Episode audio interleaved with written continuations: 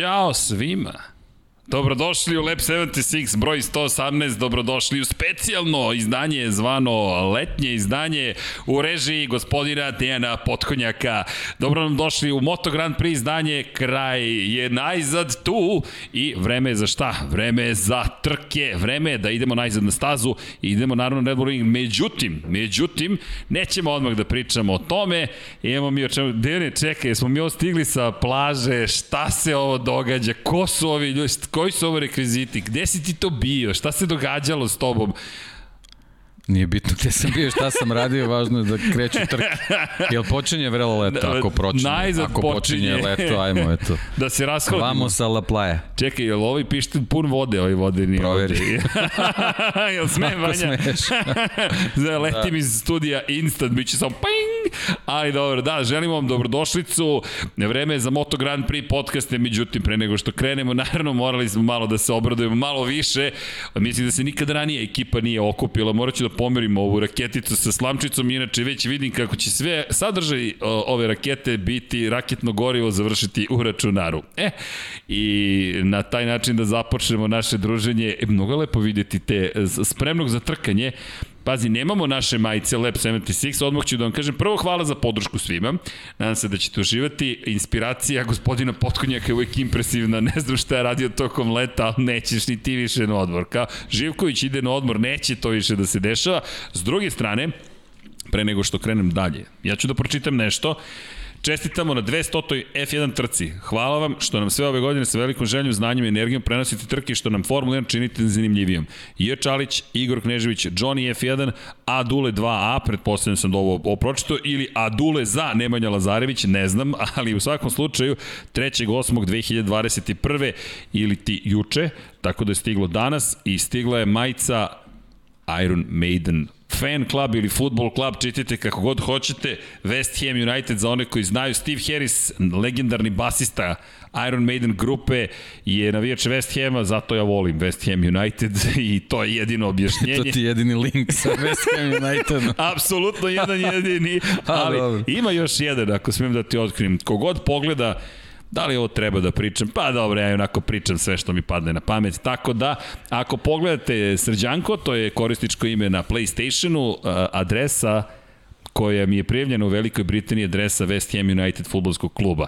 Inspirisan događanjima iz Braće Blues, prvog jedinog kvalitetnog originalnog filma, Braće Blues 2000 ne mogu da priznam, Tada, ako se sećaš, kada policiji daju svoju adresu, daju adresu Chicago, Chicago, e, ali nisu Bersa, nego su Cubsa. Chicago Cubs stadiona i to me potaklo da se prijavim na a, stadion West Ham United. Pošto PlayStation ne postoji Kad sam bio klinac, Srbiji. igrali smo na Auto Rally, znaš, da? 1, 2, 3 i onda ja sam pravio kao neku knjižicu, imao sam svoj kao neki trkački klub i adresa u tom klubu je bila adresa Brebema iz Formule 1. Tako da, neki, to je to. To je to razmišljanje, to je, to, da. to je ta talasna dužina.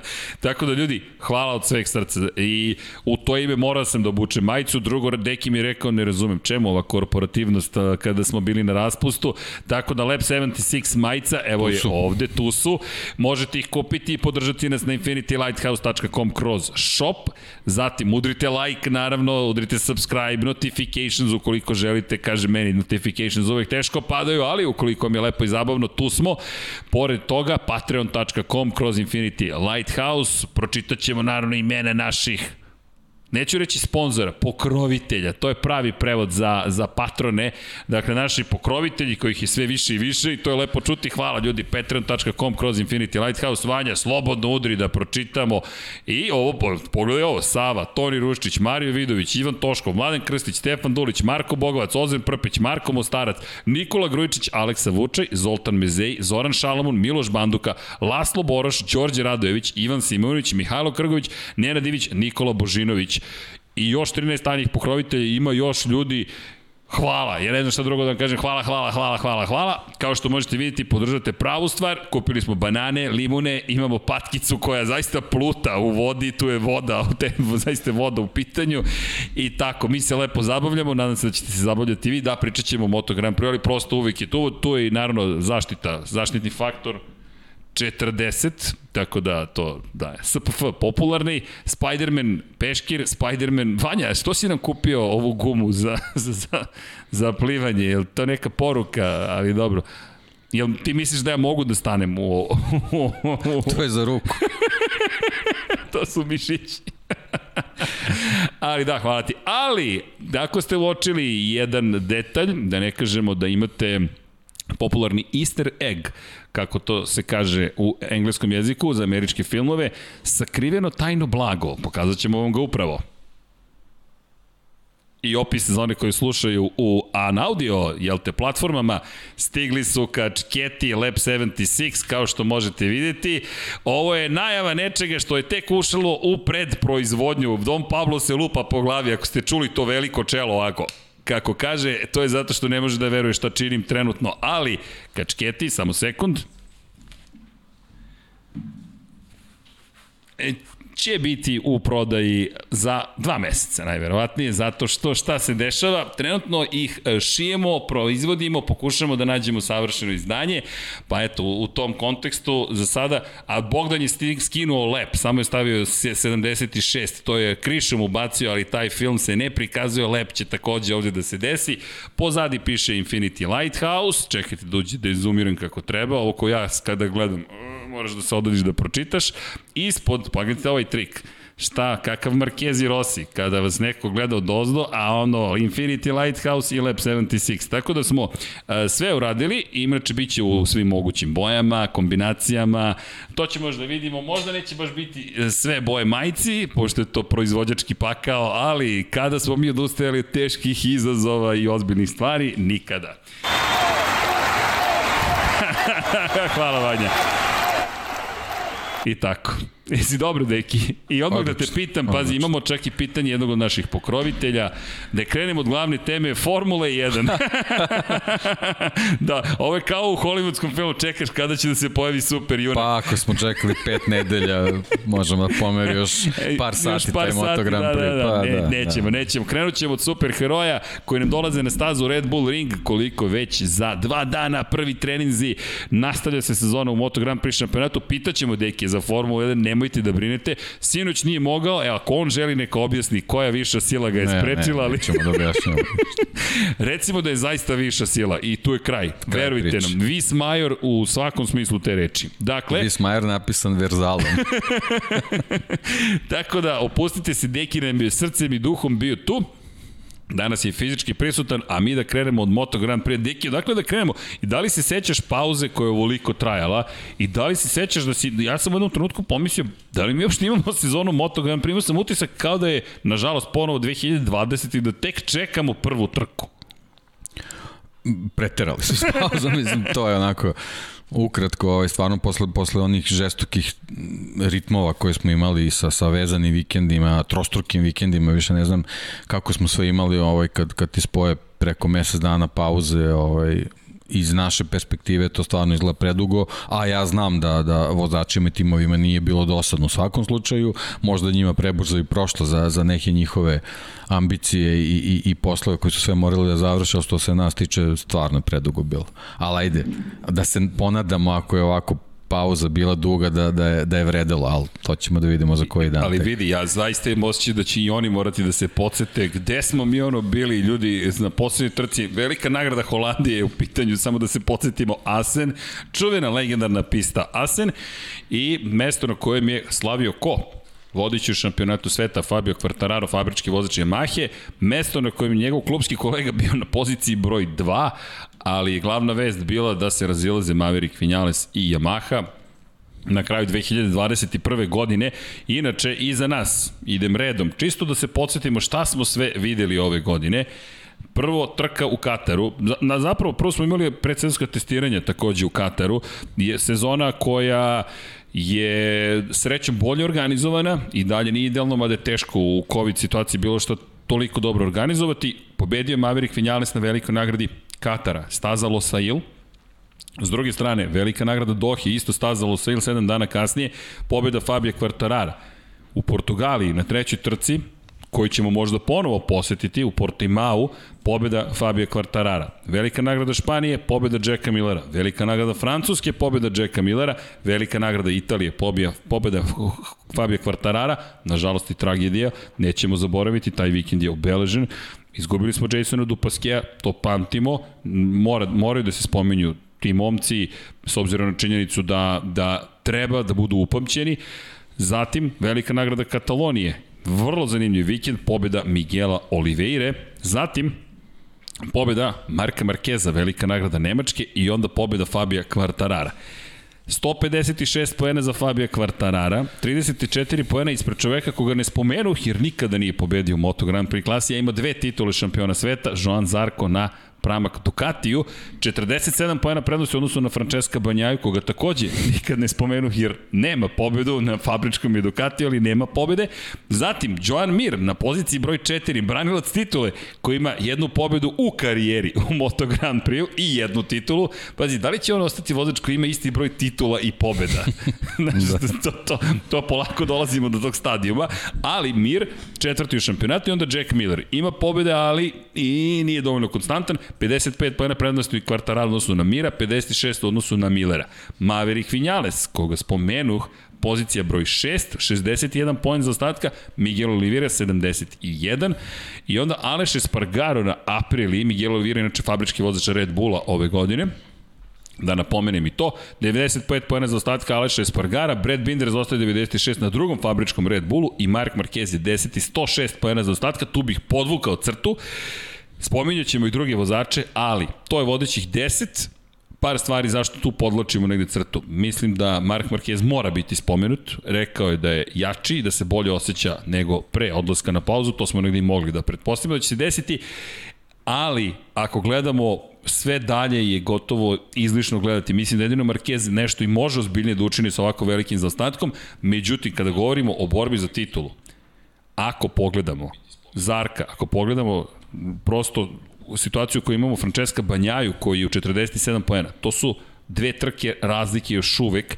do kraja sezone. Velika nagrada Štajerske, velika nagrada Austrije, velika nagrada Velike Britanije, velika nagrada Aragona, velika nagrada San Marina i Riminija, velika nagrada Amerike, velika nagrada Tajlanda, još uvek stoji, velika nagrada šta, Australije,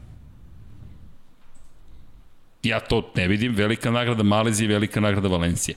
10 trka do kraja sezone, ukoliko sve trke budu održane. Fabio Quartararo već ima pobedu i 9 pojena prednosti u odnosu na Zarka, pobedu i 22 pojena prednosti u odnosu na Banjaju. Sezona počinje sada. Ovo je restart, bukvalno. I ti si rekao, ljudi, nemoj da napišemo vrelo leto tek počinje. Da. Najzad. Da, da.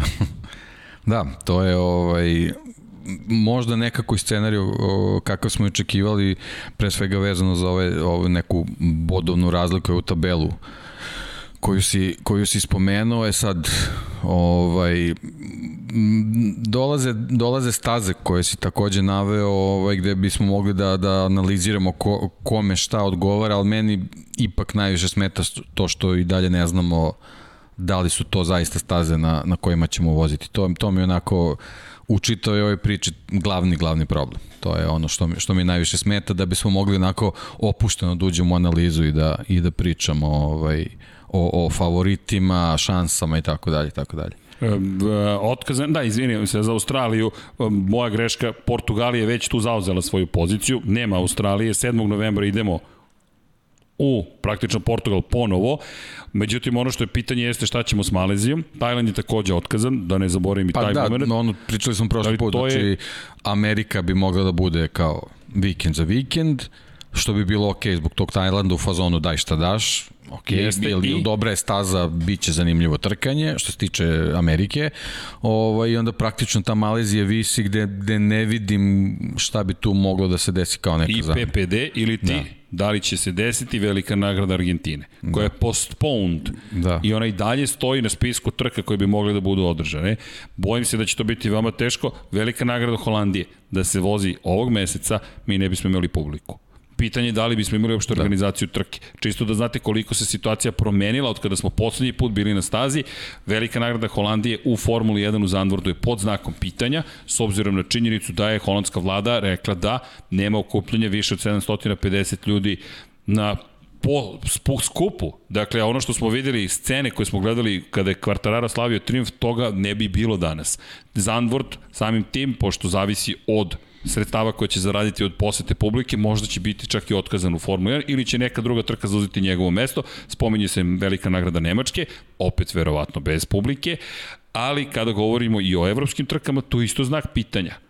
Kako će to sve izgledati? Može se desiti da ćemo se vratiti na prazne tribine, i bez obzira na ono što nas čeka u Austriji gde neće biti prazne tribine, niti 8. niti 15. avgusta, situacija je dosta dramatična po pitanju kalendara. Mi držimo palče da će sve ove trke biti održane, ali zaista veliki znak pitanja šta ćemo imati sve do kraja. Da, veliki je problem sa, sa organizacijom. Znači, nije, nije dovoljno da je staza uh, bila već u kalendaru ovog, onda kaže, e pa dobro, ok, možemo ponovo tu da vozimo. Znači nije to varijanta da neko tamo samo ugasio svetlo, zatvorio vrata i sad kad treba da, da, da se ovaj, desi neka nova trka, ok, kao aj samo popalimo reflektore i sve je ok. To su stvarno ozbiljne organizacije, a, a ne ulazim i to zato što zaista i ne znam a, kakve su poteškoće i, i kad nema publike organizovati sve te neke covid mere i šta je, šta je sve to neophodno organizovati ljude koji će da sprovode sve to, nije to baš tako jednostavno. Tako da, da ne verujem da i, da i postoje trke koje tako oberučke ovaj, prihvataju da, da, da dobiju neku zamenu organizacije. Tako da verujem da, da je to tako lako da bismo već, mi već sad imali taj neki, neki backup kalendar koji ponovo pozećem trebali smo da dobijemo na početku godine. Znači morali su pre početka sezone da razmišljaju da, da, da možemo da dođemo opet u istu situaciju i onda ne, bi, ne bismo došli do toga, jer sve pomalo zvuči opet neregularno. Jer ti imaš neko takmičenje da neko skuplja bodove, možeš da razmišljaš o nekim čak i, i, i taktikama vezanim za preostale trke, a ti u stvari ne znaš koliko će trka biti. Tako da to, to je onako sve, sve čak i na ivici te neregularnosti, iako to nije sad ni tema, ni, niti je to toliko bitno, ali jednostavno žao mi je što, što ponovo u ovom trenutku, eto, posle koliko smo trka, devet trka vozili, ponovo pričamo o tome. Pazi, mi pet vikenda smo imali pauze, ovo je moralo da bude iskorišćeno da nema Tako pauze je. zapravo za koga? Za organizatore samog sporta. Za samo Tako. Dorno nije smela da Tako. postoji pauza, ovo je moralo da bude iskorišćeno. Ovo nije čak ni kritika, ovo je samo konstatacija. Konstatacija, da, ne, nema mesta tu sad kritici. Je, nije... Ne možemo da tako promenimo ono što se je. desilo, ali šteta što to nije iskorišćeno iz milion razloga. Pre svega zbog vozača. Vozači bi morali da znaju šta je to što ih čeka u nastavku sezone. Pogotovo kada govorimo o mlađim vozačima, stari i ostvareni vozači, oni su svoje uspehe već postigli i za njih, neću reći da je lakše, ali činjenica ti imaš, na primjer, jednu titulu, ti si već svetski šampion bio, Fabio Quartararo, Jack Miller, Joan Zarko, Francesco Banjaje, za njih sve ovo je situacija koja je otežavajuća. Tako je. Možda bude olakšavajuće za kvartarara ako se smanji broj trka, ali i dalje to nije savršen način da, za pripremiti druge strane neko sezone. ko želi da uhvati priključak i recimo što naravno ne možemo mi to da znamo, samo, samo hipotetički pričamo, iz kalendara bude izbačena trka koja, koja nekome odgovara. To je već sama neka, neka situacija gde, gde, gde neko ostaje bez bodova koje ili, možda računa. Ili dodata trka koja ti Ili odgovara. dodata. To ti je sad pitanje sve, da, sve jedno, kako će ti se poklope tako, stvari. Tako da to već na pola sezone, da sad tebi već neko saopštava. Znači, bukvalno mogla da bude varijanta na početku godine. Imamo kalendar taj i taj u slučaju da tom se desi tom, tom i tom. Ovo su za ovu trku su alternative. Za ovu trku su ove alternative i da jednostavno se svi pripremaju na osnovu toga. Ovako ubacivati ad hoc ne, neke priče, to je... To Ali tu se vraćamo manje više na ono što smo i pričali prošle da. godine. Ti si baš bio nezadovoljan tim, tom situacijom u kojoj nema potvrđenog izbora samih staza i to se ponavlja da, ove godine. Su, suviše su velike organizacije da bi, eto što kažeš ti, dopustili sebi da, da pet nedelja budu na odmoru. Da, inače, prva trka koja je bila otkazana zvanično, prva još je Finska otkazana, inače ne bismo imali ovoliku pauzu. Velika nagrada Finske trebalo da se desi dve nedelje posle velike nagrade Holandije. I mi umesto pet nedelja imali smo tri nedelje pauze, zato se stvorilo ovako velika, zapravo imali smo šest nedelja pauze, da nije uskočila velika nagrada Štajerske i zamenila veliku nagradu Finske, da je održana velika nagrada Finske, četiri nedelje bismo zapravo imali pauze do 15. avgusta kada bi se ponovo pojavili na stazi. U Formuli 1 četiri nedelje takođe imamo pauzu, to je već neka običajeni period, da kažemo, pauza. Međutim, srećom, velika nagrada Štajerske je tu i srećom i uz male strahove, s obzirom na činjenicu, o tome ćemo pričati da je velika nagrada Austrije prošle godine bila, pa i velika nagrada Štajerske dosta psihofizički zahtevna i svi u najavi ovogodišnjih trka govore o incidentima, pogotovo Maverick Vinales, iskoristit ću priliku odmah da ga spomenem. M je učestvovao u dva incidenta, M zaista loši rezultati na kraju. Vinales koji zajedno sa Rosim bio u smrtnoj opasnosti, leteći motocikl najpre Joana Zarka, pa Franka Morbidelija koji ih izbegava za milimetar bukvalno i na sledećoj trci izbor Mavericka Vinjalesa da ne posluša zapravo Brembo i preporuku da koristi veći kočeni prednji disk, dovodi do toga da otkažu kočnici, on sa 200 km na časa skače na ulazku u prvu krivinu, to je jedan od podsjetnika, sam je rekao, prošle godine nismo baš se najbolje proveli ovde, vidjet ćemo da li nešto pomogne, mada kada je reč o Yamahi, možemo odmah da krenemo i o tome, svi se pribojavaju kako će se razvijati stvari iz perspektive rezultata u Red Bull ringu i iz perspektive šampionata sveta. Verujem duboko da je ovo kritični period za pre svega Ducatijeve vozače. Ducati s izuzetkom prošlogodišnje pobede Miguela Oliveire ovde dominira. Prva pobeda u, u prvoj trci prošle godine slavio Andrea Doviciozo na Ducatiju, u drugoj Miguel Oliveira, ali posle onog fantastičnog duela između Pola Espargara na KTM-u tada i Jacka Millera u to vreme na pramak Ducatiju. Opet je Ducati imao šansu da triumfuje, Miguel Oliveira lepo iskoristio situaciju.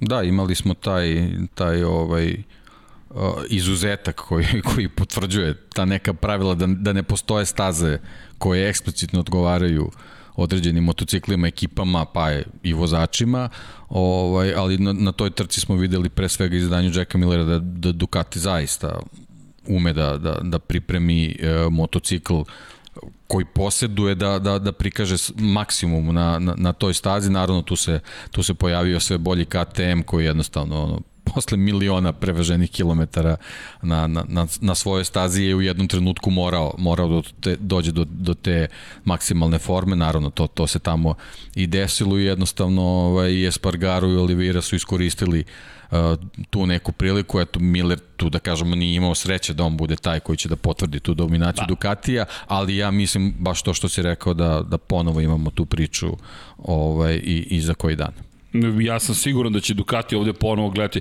da iskoriste ono što ne znamo šta su fabrike radile umeđu vremenu. Je jedva čekam trening je broj 1 i 2. Ima dve stvari. Prvo šta su fabrike radile umeđu vremenu i druga stvar Ok, očekujem da su se vozači svi pripremili, inače u Barceloni su vozili, to je bilo lepo videti na uličnim motociklima, svi su bili na superbajkovima. Zanimljivo koliko vozača sedelo na Yamahi R1. Imali smo fenomenalnu, Gabriel Rodrigo je testirao R1 i komentari uglavnom vozača Pedro Acosta takođe su bili ok, sedam na motocikl od 1000 kubika i koliko su snažni. Pazi, to su naši sami serijski motocikli, ali opet je razlika ogromno odnosno na Moto3 motocikle i to je priroda stvari, ali je super bilo videti ih na stazi. Alex Rins se takođe pojavio na stazi. Izvinjam se, ja sam od potpuno dušenjen ovim Iron Maiden. Hvala ljudi za poklon. A što ste pa i poklonili, pošto sam ja ovo oteo? pošto je 200 trka. A da, je to Pajin poklon? Ne, ne, tamo je. Gde je Pajin poklon, ljudi? A, vaterpolo kapica! Hvala, drugari. U, dobro ste izabrali. Meni dres, pa i kapica. Morat će sledeći put da radi s kapicom. Izvini, gledam i nema Lab 76, ali to je Iron Maiden. Moramo dresove da počnemo da pravimo. Ali dobro.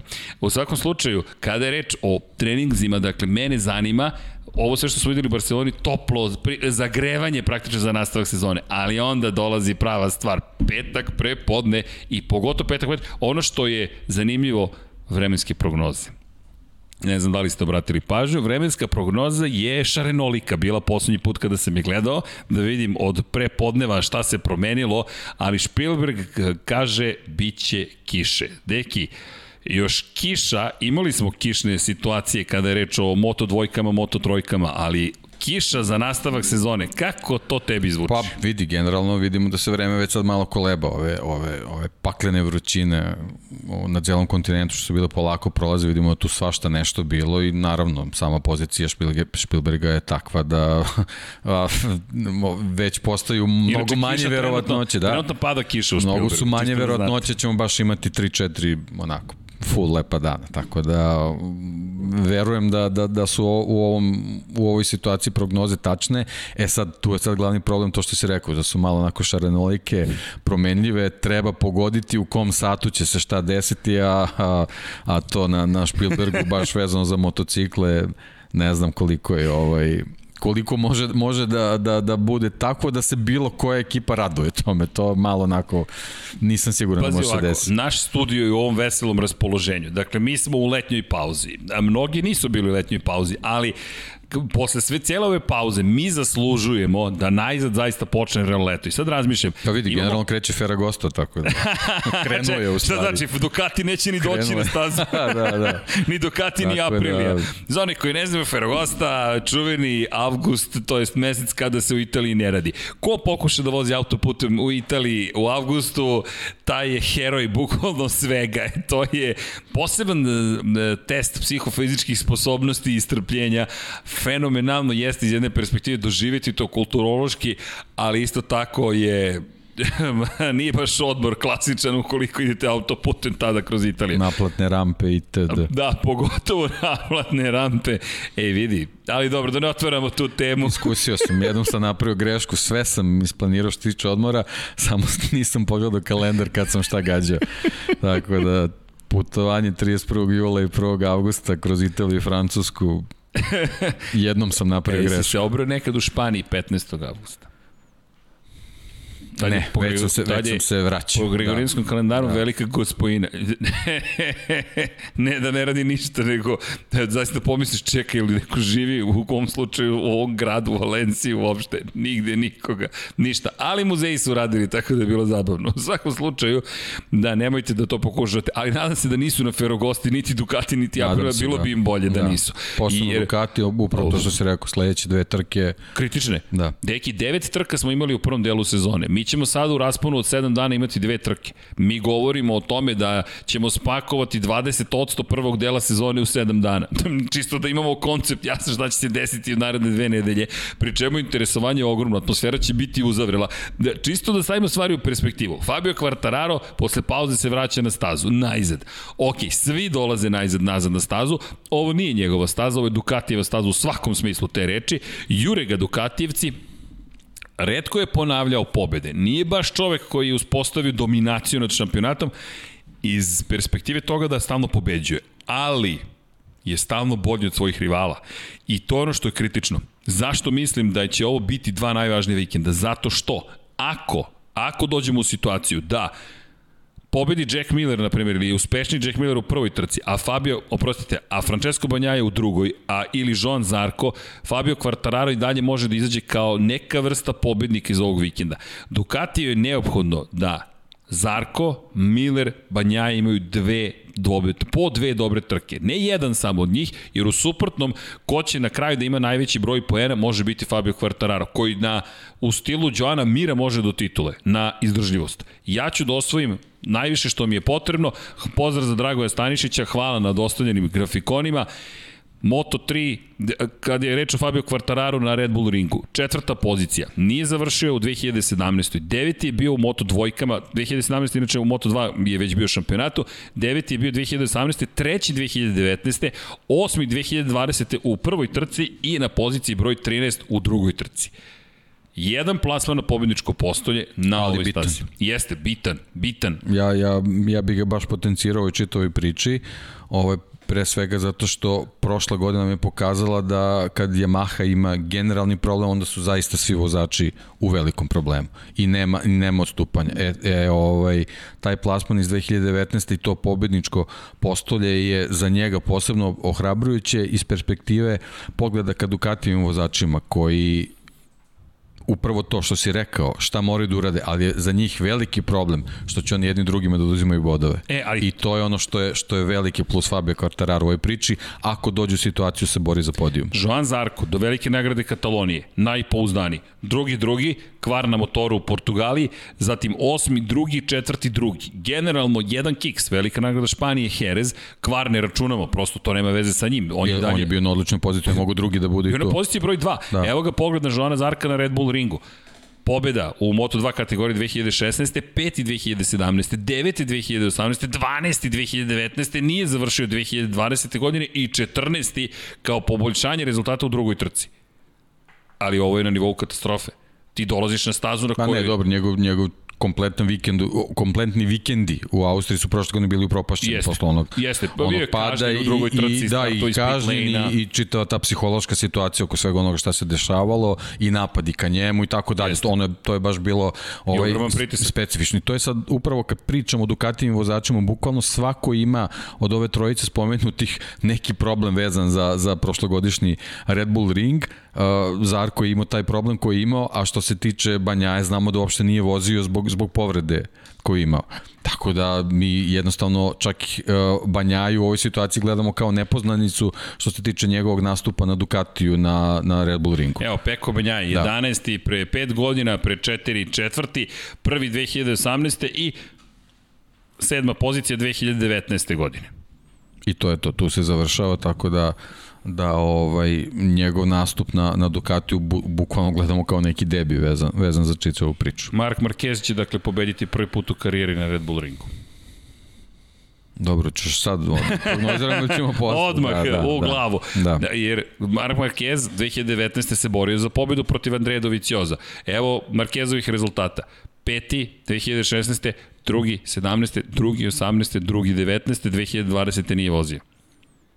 Pritom, ako je nekom odgovarala pauza od pet nedelja u ovom, u ovom slučaju, u ovoj situaciji, u ovoj konstelaciji, čitavih snaga, to je onda Mark Marquez definitivno. Da, ovo je bilo tih pet nedelja koji su njemu bile potrebne. Ovo je bilo nešto što mu je stvarno, stvarno ovaj, bilo, bilo potrebno. Da, sigurno, sigurno, Vepa apsolutno. Ne, nemamo ono više, malo što je podelio nemamo više šta da pričam, mislim, mi smo videli ovaj, na početku sezone smo možda imali nagađanja šta, kako, imali smo neke prognoze kad, kad se vratio, da li će se vratiti u, u, u, u punoj formi, bilo je, bilo je tu nekih i nadanja da će to da se desi, naravno kad je kompletna sezona krenula, kad smo ga dobili na motociklu, videli smo stvari da to baš i nije tako, da, da, da, da je povreda takve prirode kako smo i očekivali, da nije baš najjednostavnija i jednostavno kroz, kroz sezonu se, se videlo da su trke gde, gde, gde se očekuje ono, maksimalna fizička sprema od njega jednostavno nemoguće za, za, za pobedu, opet s druge strane staze koje su onako manje zahtjene, naravno, pre svega mislim na, na Sachsenring,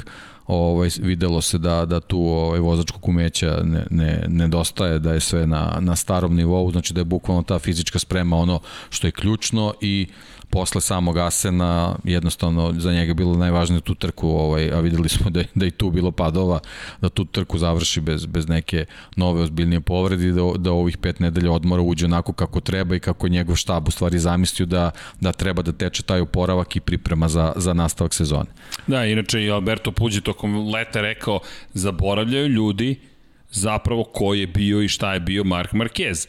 Mark Marquez je čovjek koji je dominirao šampionatom prethodnih nekoliko godina, povreda je toliko ozbiljna to je danas i dalje tema. On antibiotike, koliko da, znamo da. i dalje. A to je u stvari je. ključna stvar, da bi on bio fizički onaj stari Mark Marquez. On mora prvo da bude u fizičkom stanju, da može da trenira da se vrati u top formu.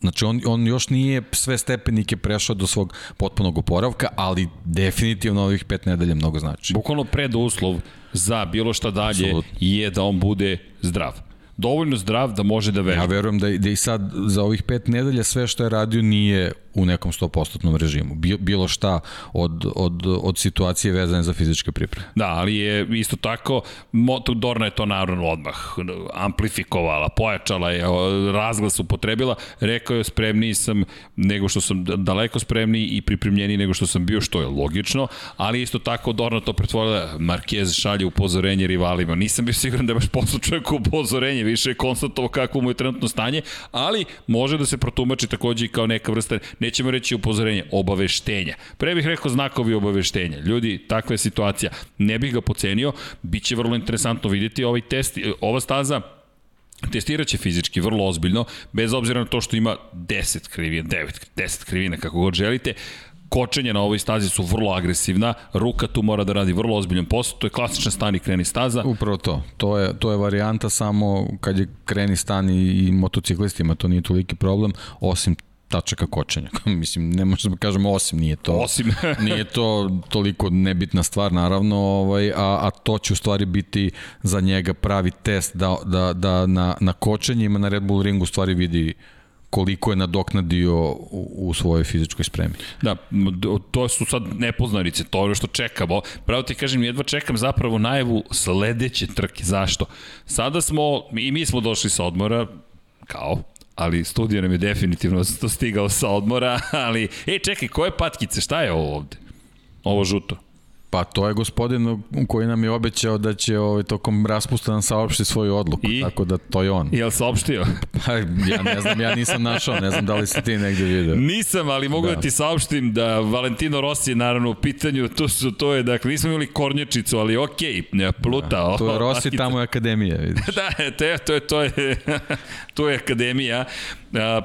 Banjaja, Morbidelli, birajte, velika akademija, Luka Marini, želite, zovite da, da, da, da, da, ali Pačija škola je definitivno tu. Međutim, glavni Batak ništa ne govori, čovek je i dalje u žutim svojim bojama, ali čekamo ga. Inače, dosta tu ima dramatičnih momenta. Pa ne, ono, kako god okreneš, Yamaha je opet, ono, na, tera nas da, na, na neku priču diskusiju vezanu za njih. Ali vidi, izvini što, što sam skočio, ali, ali, ali prosto gledamo ovo uređenje ovde jače od mene, ali čisto klasično. Da, ali da, hteli ne hteli, opet njegove boje se tu sve pojave. Da. Uključujući onaj koktel tamo, vidiš, sve, sve, kad pogledaš ovu kacigu iza mene i kad pogledaš ove boje na stolu, opet dođemo na... E, ali ti si došao u crveno, ja sam došao u žutoj majici. da, eto vidiš. A opet okay. bez dogovora. O, da, bez dogovora. Da, tu su i kupaće, svašta zabavljali, dobro, lepo su se odmorili, lepe su fotografije bile. Tu su, i da imamo, inače ovo smo spremili specijalno za kosmos. Kada prenosimo kosmos, šta kažete? Raketno gorivo. Raketno gorivo, definitivno. Ali, e da, u, sad si mi dao jednu ideju. Sponzorsku ideju, sponzorska ideja, hvala Dejane, ali Molim. najstariji duet u istoriji moder savremenog Moto Grand Prix nas čeka ovoga vikenda. Valentino Rossi u pojama Petronas Yamahe dočekaće svog starog, bukvalno prijatelja Kala Kračlova i zajedno će voziti kao zamene za Franka Morbidelli u naredne tri trke, o tome smo pričali, to je i potvrđeno. To smo spomenuli prošle nedelje. Dakle, imamo Kala Kračova, Valentina Rosija u istim redovima Petronas Yamahe, Fabio Quartararo, Maverick Vinales će biti dalje u fabričkom timu Yamahe, Jack Miller, Francesco Banjaja, fabrički Ducati i na, Jack, oprostite, Joan Zarko na pramak Ducatiju.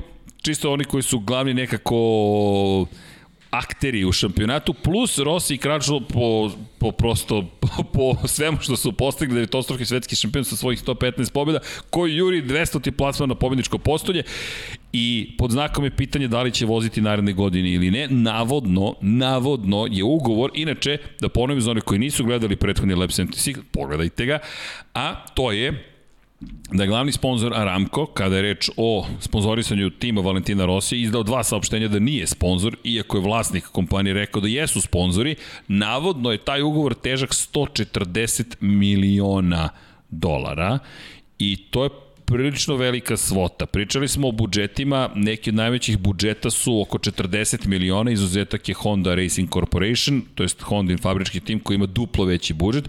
Neki to je ozbiljna količina novca za jedan privatni tim u Moto Grand Prix, satelitski, privatni, kakav god daje, fabrički, to je ogromna količina novca i Saudijski princ koji je rekao da bi bilo baš lepo, jedva čeka zapravo da vidi braću kako voze zajedno, konkretno Luko Marini i Valentina Rossi. Tako da, sve više indikacija da Rossi ukoliko želi svoj tim da vidi na pravim stabilnim nogama u budućnosti će iz ovih ili onih razloga morati da povuče potez ostanka u Moto Grand Prix. To je moj utisak sve više. Pa pričali smo nebrojno puta, nevezano samo za, za, za Valentina Rosija, generalno, generalno za, za te priče kad, kad se radi o, o, o tim, tim budžetima koji, koji dolaze sa strane sponzora, oni to sve radi jednostavno pre svega razmišljajući o svojoj promociji. A ako je Saudijska Arabija, znam, znamo jednostavno da Saudijska Arabija stoji iza, iza čitave priče ako želi da, da promoviše zemlju ili generalno šta, šta god im je ideja da, da, da promovišu na taj način, ako su odabrali Moto Grand Prix, tu jednostavno mora da bude Valentino Rossi. Jer Valentino Rossi je neko ko je sve ove godine ne možemo kažemo godine krize, ali godine neke stagnacije kad je bilo, kad su bile u Moto Grand Prix, Valentino Rossi bio taj koji je držao čitavu priču, tako da možemo i da, da kažemo da jednostavno Moto Grand Prix je Valentino Rossi, tako da svako ko želi da se, da se nađe u tom šampionatu iz nekih svojih razloga sigurno razmišlja ovaj, o, o saradnji sa Valentinom Rosijem, tako da o, o, videti je Ramka da, da ulazi u priču iz nekih takmičarskih razloga je jednostavno ne, ne, apsolutno ne pije vodu. Probeti 220 tako milijardi je. dolara godišnje. Tako je, tako da njih priča o trenutnoj njegovoj formi, neosvajanju bodova, mislim da to jednostavno apsolutno nije bitno, nego jednostavno taj neki program koji je napravljen da bi se izbučetiralo toliko koliko se izbučetiralo, jednostavno je sadržao njegovo ime i prezime. I to je ono što je njima bitno i oni ga kao takvog pretpostavljam žele i sledeće sezone. I tu nema on šta mnogo da se priča, da, da se pita ako želi da bude u toj priči da taj novac bude uh, vezan za njegov tim i budućnost tima, jer, jer ako, se, ako je toliki novac u, u igri za, za mali VR46 tim, to, je, to su neke tri sigurne sezone koje mogu da se, da se ovaj, voze, tako da jednostavno mislim da on, on nema, nema opciju ako je, ako je ovaj ta rečenica bila što smo pričali već pre par podcasta. Ako, je, ako princ želi da na tom motociklu sede braća, to je, to je kraj priče i naravno to je sad samo stvar odluke Valentina Rosija ovaj, mislim da, da, da, da, da čitava uh, čitava kombinacija može da padne u vodu ako on, ako on ne bude želeo da vodi sledeće godine. A, apropo cele priče, imam sve više utisak da, je, da i on prihvata činjenicu da ni ne mora više ni da se bavi rezultatima. Da je vrlo jasno, ako tražimo, ne kažem ni da traži bilo koji izlaz, ali mislim da uh, da Rossi je izuzetno inteligentan čovek, izuzetno inteligentan. I da, situacija možda nije baš onako kako mi je planirao, ali isto tako razmišljam, ovo su okolnosti u kojima se nalazi, ono što može da bude pozitivni ishod ovoga svega jeste ok, ja ću dobiti svoju ekipu, osmeh na lice, konačno sve što radi trenutno, inače ove nedelje je planirano da se obrati i vlasnika Ramka, u, zapravo neće biti konferencija posvećena samom Valentinu Rosiju, ali sa investitorima će imati takozvani investor call, gde je Ako jedna budu tema... pitanja nova, novinara živo me zanima 50% pitanja na koga, na koga će se, osnositi. tako je, Aramko... Tako da, sigurno će biti konferencija štampu vezana za Valentina da, Rosiju. ali samo pitanje kada, da. ali, ali u stvari i ta pravo si konferencija već sigurno jeste. Sigurno će novinara zanimati kalendar aktivnosti 100%. Pa dobro, da. i, i investitore, jer vidi, to je veliko pitanje pitanje, ti si Aramko sada, kada smo mi pričali o nekoj naftnoj industriji od na ovaj način? Pa, to je cilj, upravo to. Koliko smo puta izgovorili Aramko? Koliko puta izgovoreno Aramko? Mislim mi. Mi, zamisli koji svi Globalno, mediji. Izvini, šta si htio ti me da kažem, nisam te razumeo. Ovo je globalni medij mi pokrivamo univerzume. Inače, kaže mi Dom Pablo da se vreme poremetilo, pao je sad pred emitovanje, tako da nije 12.49 na KTM-u. Prošla ponoć, ali ili je možda negde počela ponoć, ili ko zna šta se desilo. U svakom slučaju, KTM u ovom momentu imamo da KTM-ov sat. Sad će to deki da sredi, Vanja je planski preba... Na njega njega kažem, da Vanja, kako to izgleda iza kulisa. Ali činjenica je, sad će tog direktor Potkonjak da sredi nemojte ništa da brinete, počeo da nas dovodi u red preko leta, uopšte mi se to ne dopada, pili smo lepo bez reda i mira, ali evo, Deki to sve sređuje. U svakom slučaju, Valentino Rossi da, je neko koji je Aramku već doprineo i sad čekamo kako izgledaju ti pregovori uživo, kako će se završiti, ali najstariji duo u istoriji sporta ćemo imati ovoga vikenda i sledećeg vikenda i vikenda za veliku nagradu Veliki Britanije u Silverstonu. 77 godina ukupno Karl Kračlov i Valentino Rossi zajedno, 42 za Valentino Rossi, 35 drugi put, ok, i 35 ostaje 12.50 neka. Ove, da, dakle, dolazimo do toga da eto, imamo 77. Vidiš, sve u broju 77 nekako. Je li ovo sad moment da pričamo o Formuli 1 i Valteriju Bottasu? nije, nije, nije. Šalim se, naravno. Ali pogledaj podcast i sinoćni, mislim da će ti se dopasti pajin, pajin zaključak na kraju i kraj svega. U svakom slučaju, da, bilo je zbudljivo, ali kada govorimo o trci pred nama, bit će mi vrlo zanimljivo da vidim Kala Kračala. Problem jeste što je to prošlogodišnji, ne prošlogodišnji, predprošlogodišnji model Yamahe, ne onaj model koji je testirao. Nema to mnogo logike osim iz perspektive toga da na neki način nagradiš Kala Kračala ukoliko želi da se trka da podržiš Petronas, s obzirom na činjenicu da je Petronas ostao bez važnog vozača i da dobiješ spektakl, Count Crutchlow je vrlo popularan vozač, pogotovo što će treća trka biti velika nagrada Velike Britanije i verujem da je to bio deo dogovora. Upravo to je, to je, to je ključni razlog zašto je on, ovaj, zašto su napravili pametnu odluku da odmah saopšta će voziti sve tri trke. Ja verujem da, da će ova prva, prva dan dva u, u, u, na Red Bull ringu njemu, i njemu poslužiti da se polako ovaj, uvoza i, i upozna sa tim motociklom, kao što kažeš, na, na njemu nije, nije sedeo, ali ono, poznajući Kala iz, iz prethodnih sezona, znamo da, da, da će on na, na samoj trci se boriti za što bolju poziciju, a što se tiče generalno priče i odluke o njegovom angažovanju za, za te tri trke, bez obzira što će prvu koristiti za, za ovaj učenje. Jednostavno uh, Petrona sam tu isto ne gubi ništa specijalno, pošto znamo kako je formi bio ovaj, Franco Morbidelli, kako se to završilo na kraju sa, sa, sa tom operacijom, tako da ništa se tu puno ne gubi, a može se dobiti mnogo na toj trećoj trci koja je u stvari njegova domaća trka i ono, ako budu navijači tamo znamo ovaj, ko će biti jedna od zvezda dana. Vidi, kada govorimo o zvezdama, zvezda dana, Dani Pedrosa, Daniel, Dani Pedrosa, da ne zaboravimo čovjek koji stiže i Pete Byrer je rekao da je velika čast što je Dani Pedrosa prihvatio da vozi Absolut. sa KTM Absolut. i slažem se s njime. Pogledajte specijal koji smo posvetili Daniju Pedrosi, savršeno se sve poklopilo. Daniel, Dani Pedrosa, trostruki šampion sveta, stara zvezda, nova zvezda, oporavljena zvezda, ponovo je zasijala njegova zvezda zahvaljujući prelasku KTM i sama činjenica da čovjek je rekao da više neće voziti trke, da je prihvatio taj poziv, a celu karijeru nikada nije vozio ni jednu trku osim na Hondi, je proveo dakle na proizvođaču, na japanskom, na motorima japanskog proizvođača, sada prelazi na motor austrijskog proizvođača kod kuće za veliku nagradu Štajerske. Mi imamo situaciju u kojoj smo mi dobili Danija Pedrosa u bojama Red Bulla na Red Bull ringu i u momentu kada se sezona nastavlja, show će bukvalno biti potpun. Publika na stazi. Kvartararo koji juri da odbrani svoj titul. Dukatijevci koji trenutno ga jure nisu imali uspehe. Možda čak i nije pravilno reći da je Dukatijeva staza. Doviciozovljeva staza. Ovo je Dovijeva staza pre svega. Da, Andreja Janone je doneo prvu pobedu Ducatiju 2016. godine.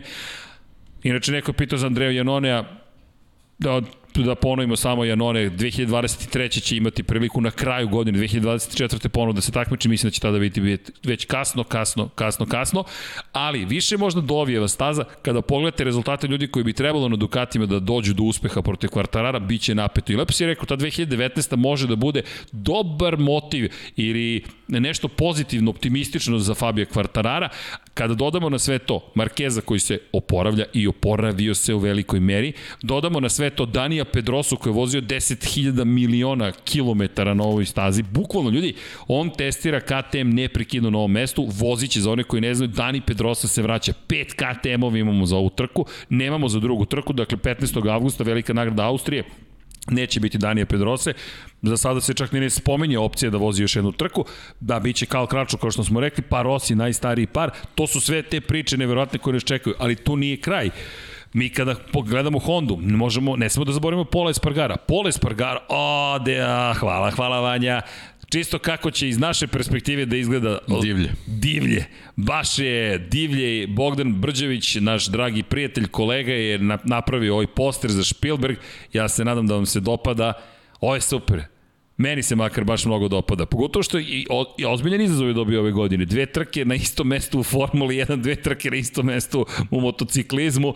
Pa hajde sada budi maštoviti izmisli svaki put nešto novo, a zadrži opet da svi znamo gde se nalazimo. Meni se sviđa, ne znam kakav je tvoj. Ne, ne, super je, super. Ovo je baš lepo i biće divlje. I sada, na sve to da dodamo Pola Espargara. Prošle godine Polu malo nije odneo pobedu na ovoj stazi. Bio je treći na kraju trke, bio je treći, ali Pole Espargaro, inače se oglasio, sjajan intervju, da, mislim da je čak besplatan intervju, samo treba da se registrujete na motogp.com, o tome šta ga je dočekalo u Hondi, vrlo iskren, rekao je da je bio izjednačen sa Markom Markezom do trke u Nemačkoj da je tamo njega Marquez zapravo rekao je isprašio me. Bukvalno me isprašio i to jeste adekvatan odgovor, ali ono što je meni vrlo zanimljivo, Pole Spargaro je rekao da onoga momenta kada je seo na Hondu, to bio njegov motocikl. Zašto?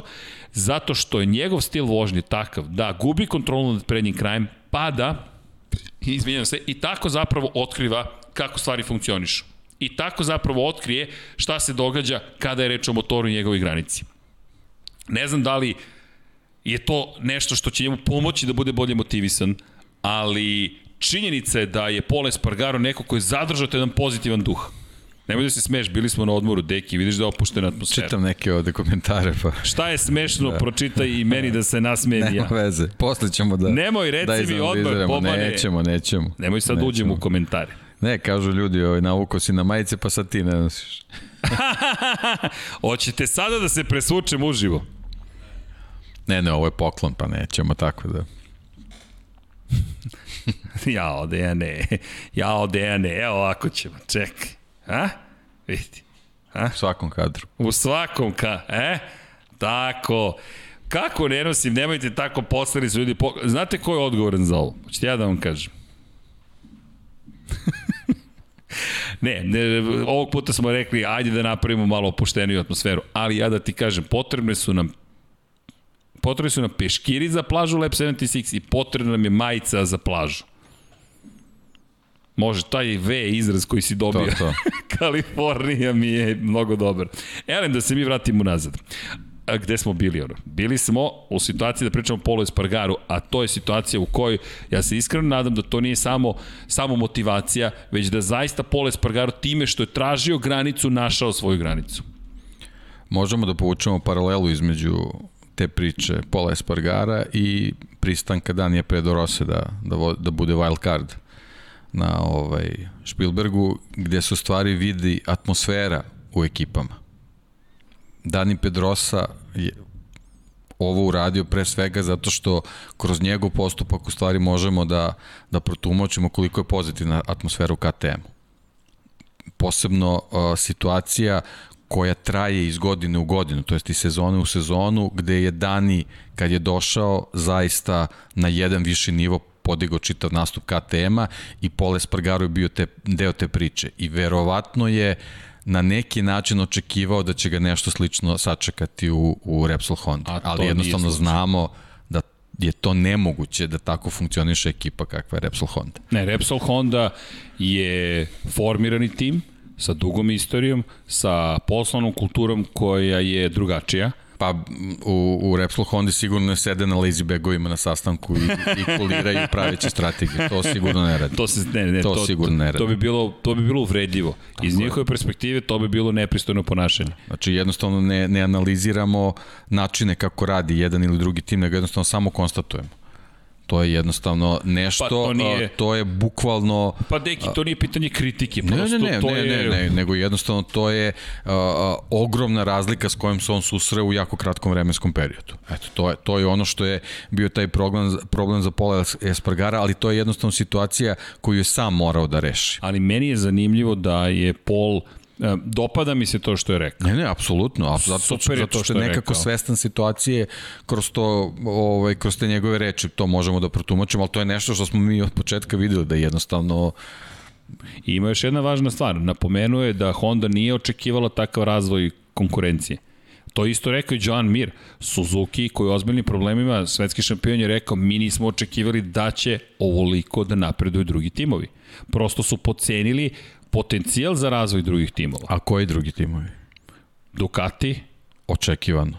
Ducati, Yamaha. Ducati svake godine šta je Ne, sve je očekivano. Ne, ne, ne, deki, ja samo ne, kažem ne, šta je rekao. Ja sam, pa ne, ne, razumem, nego samo sad eto, a da vidimo kao koji su Vidi, to timovi. Uplašio sam se kako si me ljuto pogledao. Ducati svake da godine, Ducati svake godine to i radi. Ali nikad nije bilo Ducati, greške. Ali Ducati je avangarda i to znamo da tako radi. KTM, prošle sezone su videli šta će se desiti. Znači, ne, ne, mo, ne mogu da budu iznenađe. Yamaha. Yamaha je nekako uvek u svom fazonu. A, a, stalno deluje da je, da je to neko ono a, tek rođeno lane, znaš, koje onako jedva, jedva da stoji na svojim nogama, ali ono posle 5 minuta protrči ti skapiraš pa, da kad vidiš tabelu, vidiš koliko, je, koliko pobjeda ima da, to lane. Ali njihov je problem, ono što smo pričali, njihovi vozači ne mogu serijama da, da, da zajedno budu dobri. Ducati ume da, ume da, da napravi da, da na vikendu svi vozači budu dobri. Yamaha to jednostavno ne može da uradi osim sad što imala da, ovu dvostruku pobedu. Zanimljivo. To je, to je taj problem i kad to pogledaš, ja ne vidim šta je tu neočekivano. A, neočekivano je to što Ništa se, što se ponovo vraćamo što, što, što se Honda ponovo, nije uspešniji. Pa, ne, što se ponovo vraćamo i na i, i vezano i za prethodnu sezonu. Jednostavno mnogo motocikala ima koji su konkurentni. Nije to priča od pre 10 godina da, da se ti boriš protiv četiri rivala. Deki. Ti se boriš, non stop to ponavljam, da te, 20 konkurenata je na svakoj trci. Mogu da te citiram iz Formule 1. Možeš. Pobedio je Esteban Ocon u Alpini i ti mi šalješ poruku Davide Brivio. Da, čisto, men, ja sam se samo setio ono, onog, one grafike otkuca i srca kad je Mir juri u Valenciji da, da, da, da završi, da, da, da osvoji titulu, kako, kakve su sad otkuca i bili vezani za Sebastiana Okona. To, to je ta priča, ali to je taj neki, neki duh koji je donao i, i, i to je to. Ne treba se predavati, jednostavno to je to kao sad iznenadili smo. Kako, kako, kako, ko može da ti iznenadi to? Da li si svestan da si izgovorio, izgovorio Sebastiana Okona? Esteban, da, ba dobro, to je isto ime u stvari, da. Sebastian, da. ali čekaj, pa, čekaj, dobro. Sebastian Vettel je bio da, da, da. drugi. Da, da. Štuca čovjek. Ja. Štuca čovjek, svi ga da. spominju ovih dana. Ali da. Samo da je pametno stao, da je prešao liniju cilje, da je zaustavio i izvukli bi liter, ali dobro, to je sad. Dobro, sad to je... To je neko, to je stvar tima. Tima. Tim je morao da kaže to je, mnogo malo To je problem... Uh, Ima pravo da stane. Apsolutno. Po pravilniku, posle linije cilja. Svi su stali, George Russell ali, odmah ali, je stao. Ali čovek, čovek u timu mora da bude koji zaduže, ali to su stvari koje se uče. Nažalost, ovo je baš bilo onako ba, skupo, mnogo skupo, skupo, skupo, skupo, 18 poena u šampionatu Da im se to ranije ove sezone desilo kad je bio 14. i 15. sad bi imali zavezan končić da se sete da, da provere koliko kila goriva još ima. Ali baš skupa greška. Da ali to je opet učenje Aston Martina da bude bolja ekipa. Sebastian ali, Ocon, ok, to je to. ali oduševljen se Sebastian da, da, da, ok, da. ovo je zanimljiv lapsus. Da. Ali da. da se vratimo na Davida Brivija. Brivio, obrnio kreni, je pobedio u Formuli 1, osvojio titulu sa Suzuki, osvojio titulu sa Yamaha. Da, ovo je ogromna sreća bila, ali, ali treba doterati te automobile do cilja i, i, i treba ovaj, motivisani, motivisati Fernanda Alonso na ovo što je uradio. Ali dobro, pričat ćemo. Formule. Pričat ćemo, ne, ne, da. samo, samo sam hteo da napravim paralelu sa onim što je Mir rekao. Nema više Davida Brivija, u redovima Suzuki-a. Suzuki priča kako nije bio spreman za ovakav napredak konkurencije. I, inače, izašao članak... Na... Teško i, to, i u to poverovati, jer koliko smo izjava Joana Mire pročitali, gde ih čovek čovjek moli i apeluje da da unaprede motocikl. Da, da unaprede motocikl, tako da to to ne pivo. Slušaj naslov, zašto Suzuki očajnički mora da nađe zamenu za Brivija u Moto Grand Prix? Autor Oriol Puigdemont. Gde? motorsport.com Isto što i Autosport manje više, s obzirom činjenicu da su se ujedinili pre par godina, to je da je motorsport.com otkupio Autosport. Elem, avgust 3. je datum. Nadam se da je slušao Lab 76, gospodin sa moje desne strane je već izneo sve to i počinje počinje bukvalno članak. Dolazak Davida Brivije za direktora trkanja u Alpinu je doveo do toga da zabeleže prvu pobedu na velikoj nagradi Mađarske preškodne nedelje, zahvaljujući Estebanu Okonu. Prosto, kako god pogledaš... Pa evo, evo još jedna stvar. Znači, slušamo Joana Mira koji ove se, od, od početka sezone govori od onog, ne znam kako bi nazvao, neke katastrofe na, na pravcu u Kataru, kad, kad je stajao pored Ducatija, čovjek od početka priča moramo, ne možemo samo da radimo na novom motociklu, za sledeću sezonu moramo ovaj motocikl da napredimo ako mislimo nešto da uradimo. I vidimo da, da tu nema sluha nikakov.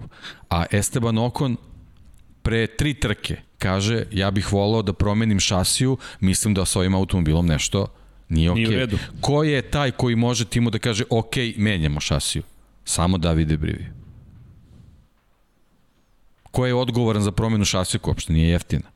Davide Brivija. I dolaziti iz ograničenog Tako budžeta. Je. Imamo bu, bu, kapiran budžet, dakle 145 miliona dolara za Znači, još jedna karakteristika koju nam je Davide Brivija otkrio, a znali smo to iz, iz Suzuki-a on sluša svoje vozače. To je to. Znači, to je ta neka vrednost koju on, on odneo tamo. Mogo je, mogo je da kaže ne, nije, nije stvar u šasi, stvari u tebi ili već kako god. MB, MB tu neka zlakara ukrenula, loša atmosfera i tako dalje, on je rekao, ok, menjamo šasiju. I proizvod toga je nešto što ono što se što, što iz perspektive Estebana Ocona uživali smo jednostavno. I zaista je istorija. Na, na, na ti, post, ti prva pobeda Francuza u Alpini povlaka Renault od 1983. Alana Prosta, četvrostog svetskog šampiona, legende što svetske, što francuske i prva pobeda za momka na stazi na kojoj 18 godina e, ranije slavio Fernando Alonso. sad na marketinškim stručnjacima Renaulta da se pitaju zašto ovo više nije Renault nego neka sorry, Alpin, kako se kaže. Alpin, ali da. Da, ali Alpina, nema Alpin, pa Alpina, Nama je to prilaz u srcu. Pa prosto tako je pisano, da, korišćeno tako je, godinama, je. iako postoji BMW, da. Alpina, da. sve znamo, ali to su isti ti Alpi. Sve okej, okay, sve okej, okay, ali, ali eto, jednostavno poenta je da je ovo u stvari Renault. Jeste. To je, a Renault nema pobedu. Tako to jest neće biti upisano da je pobedio Renault. Tako što je ogromna šteta. Da. I to je moje mišljenje da je ogromna šteta i mislim da pokušaš veštački da, da ispričaš priču o sportskom automobilu koji nema tu vrstu reputacije Ja nisam siguran sa, sa, na bilo koji način kolikom god količinom jedinica Alpine da da se ovaj to pokrije da je da je prodato, ne znam, ali jednostavno... Ja mislim da je tu, da nije pravi put. Me, meni, meni ne deluje, ali dobro. A, možda je ovo da. početak, hajde, možda za 10 godina Alpina zaista dođe do toga da, da poredimo sa AMG-om kod Mercedesa, da pričamo o Ferrariju, da pričamo o Porsche. Ja to ne vidim iskreno. Ne znam, to da je, je jednostavno da ta, da ta neka, neka priča te alijanse koja je meni onako čudna. Generalno Renault Nissan alijanse, jedno vreme smo imali Infinity umesto Renaulta, sklanjati jednu marku koja već nekako ima svoje mesto u istoriji Formula 1 da bi promovisao neke druge koji su kao u trenutku u trendu ili želiš da ih napraviš u trendu, meni to uopšte nije, nije dobra filozofija, ali to je, to je njihov način rada. Ok, to, oni su Jednostavno, Renault, Renault oduzimaš neku reputaciju koju apsolutno zaslužuje. Cyril Abitobul mi je bio još jedno ime koje mi je u glavi bilo i šta li misli čovjek koji je pravio sve to na kraju nije bio tu za, tu, za tu prvu pobedu, ali pa, okay. on jednostavno, mislim da jednostavno nije imao kapacitet da to istera na, na taj da. način i zato više nije tu. Bukvalno to je moje, moje mišljenje. Šta je nedostajalo? Nažalost, od samih početaka nemam neko specijalno mišljenje o njemu kao menadžeru, tako da... Šta je nedostajalo to je to. u toj cijeloj priči? Nedostajao i možda baš da li da. Brivio? Da li bi recimo eto Abitebul u toj situaciji koji je bio Brivio, da li bi on preseko i potpisao da se menja šasija Esteban Ocon? Ne znam. Ali to, to su te to finese. Je to, to su I finese. to je da. pitanje za Suzuki. Ko će sada da ti donosi te odluke? Ko će sada da te vodi? Ovo kako sada stvari stoje za Suzuki da li, da li je postojao čovek koji je recimo pre pet nedelju Suzuki mogu kaže zaustavljamo na pet nedelja razvoj motocikla za 2022. i posvećujemo se ovom da završimo sezonu ili kad pogledaš tabelu, Joan Mir je četvrti, četvrti u šampionatu, u šampionatu znači ništa sveta. nije izgubljeno tu. Dosta se kritikuje Joan Mir, da je jedan od utisaka da zapravo nekako je titula osvojena zahvaljujući jednoj pobedi i konstantnosti titula koje ne, ne, ne garantuje da je on ta vrsta šampionskog kalibra, da je to prosto splet srećnih okolnosti. Mislim da je to greška. Joan Mir je veoma ozbiljan vozač. Mislim da ova sezona čak pokazuje mnogo više koliko je dobar vozač. Baš zahvaljujući tome. Mi kad pogledamo, Mir ove godine četvrti, sedmi, treći, peti, pad u Francuskoj, jedan jedini pad, treći, četvrti, deveti, treći.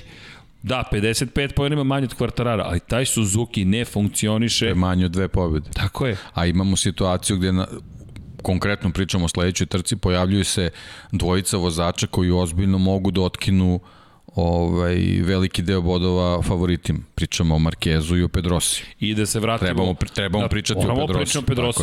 Ja ne znam šta će se desiti, pričamo mi je inspirativno. Tako da, to je, to je situacija gde imaš ako smo naveli tri Ducatija, ako smo naveli Quartarara kao lider u šampionatu i, i, i osobu koja legitimno treba se nađe u, u, u grupi favorita za pobednu trci, to su četiri, a ako staviš Markeza i ako staviš uh, uh, Pedrosu tu priču, znači to je već šestorica vozača koja mogu u nekoj situaciji da omoguće miru da on svojim kalkulacijama koje smo već videli da jako dobro radi, ponovo stigne do pobedničkog postalja.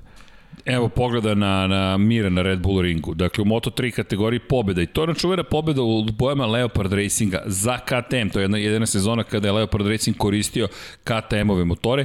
2017. pobeda u Leopard Racingu, ali sa Hondom, da to ne zaboravimo.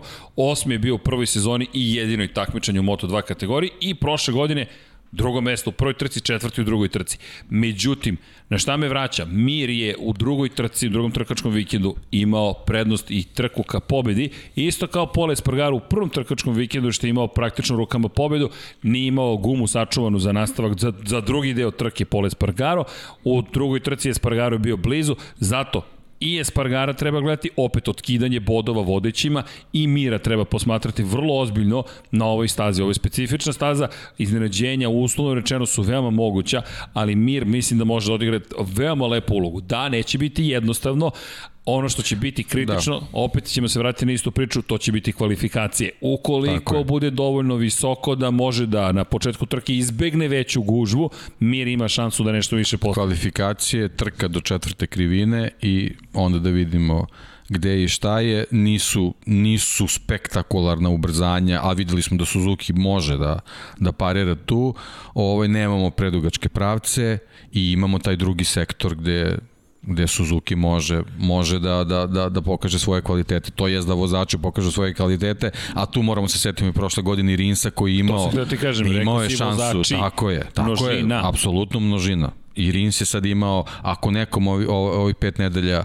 ako je odgovaralo to, u, u tu grupu sigurno može da spada i, i Alex ne, pa Rins da koji je morao da se, da se resetuje maksimalno. I vidjeli smo ga u Barceloni nasmejanog, vozio je Suzuki, bio je najzad na, na, na stazi na GSX-eru je bio, ali je bio raspoložen, rekao je, ne možete nas da sklonite od trkanja, od prosto brzine i lepo je biti na ovoj predivnoj stazi, voziti, kao kao prosto track day da su imali. Jednostavno, fenomenalno je, samo što su najbolji vozači na svetu i neki od najskupljih mašina koje imate na svetu. Naravno, svi su imali trkačke gume, sve to bila praktična priprema za Moto Grand Prix. Međutim, i Rins je bio tu i bio veoma raspoložen, tako da ga je lepo bilo vidjeti. Rins je 14. u šampionatu sveta. Početak sezone pristojan, šesti, četvrti, sve posle toga je katastrofa. Pad bez bodova, pad, pad, pad, 5 pojena, 5 pojena, to je 11. 11.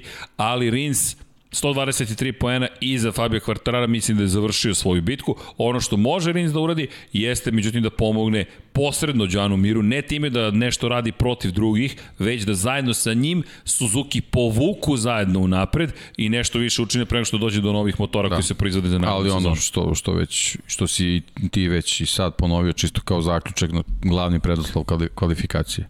Bez da, toga da, jednostavno nema, nema šta da se priča. Koje kada spominješ samo, izvini, pol pozicije ove godine, Francesco Banjaje na Ducatiju, Jorge Martin na Ducatiju, to je Katar. Jorge za... Martina nismo ni spominjali u priči a, vezano za Ducati. A, a doći ćemo do da. toga. Inače, ja mislim da će Jorge Martin da, da, bude da. najbolji na Ducatiju, ali ga čekam kao džokera ga čuvam za nastavak senzacionalne najave. Dakle, Banjaja Martin na dva Ducatija u prve dve trke, ali zapamtite, to je bio Losail. Planski ističem da zapamtite. Zatim Quartararo, Quartararo, Quartararo, Quartararo, Quartararo. Pet pol pozicije za redom. Portugalija, Španija, Francuska, Italija, Katalonija. Zatim Joan Zarko u Nemačkoj, Ducati, Ovo je inače pet pol pozicije za Fabio Quartarara i u Holandiji Maverick Vinales na Yamahi. Dakle, u prvih devet trka ove sezone nismo imali šest pol pozicije za Yamahu i tri pol pozicije za Ducati. Tri različite Ducatije vozača, dva različite vozača Yamahi. Nijedan drugi proizvođač još nije osvojio pol poziciju. Čak ni Mark Marquez na velikoj nagradi Nemačke nije uspio da doći do pol pozicije, iako je došao do pobede. Ajde da spomenem i pobede. Vinjales, Quartararo, Quartararo, rekli smo, Yamaha, Yamaha, Yamaha, Miller, Miller, Ducati, Ducati, Quartararo, Yamaha, Oliveira, KTM, Marquez, Honda, Quartararo, Yamaha.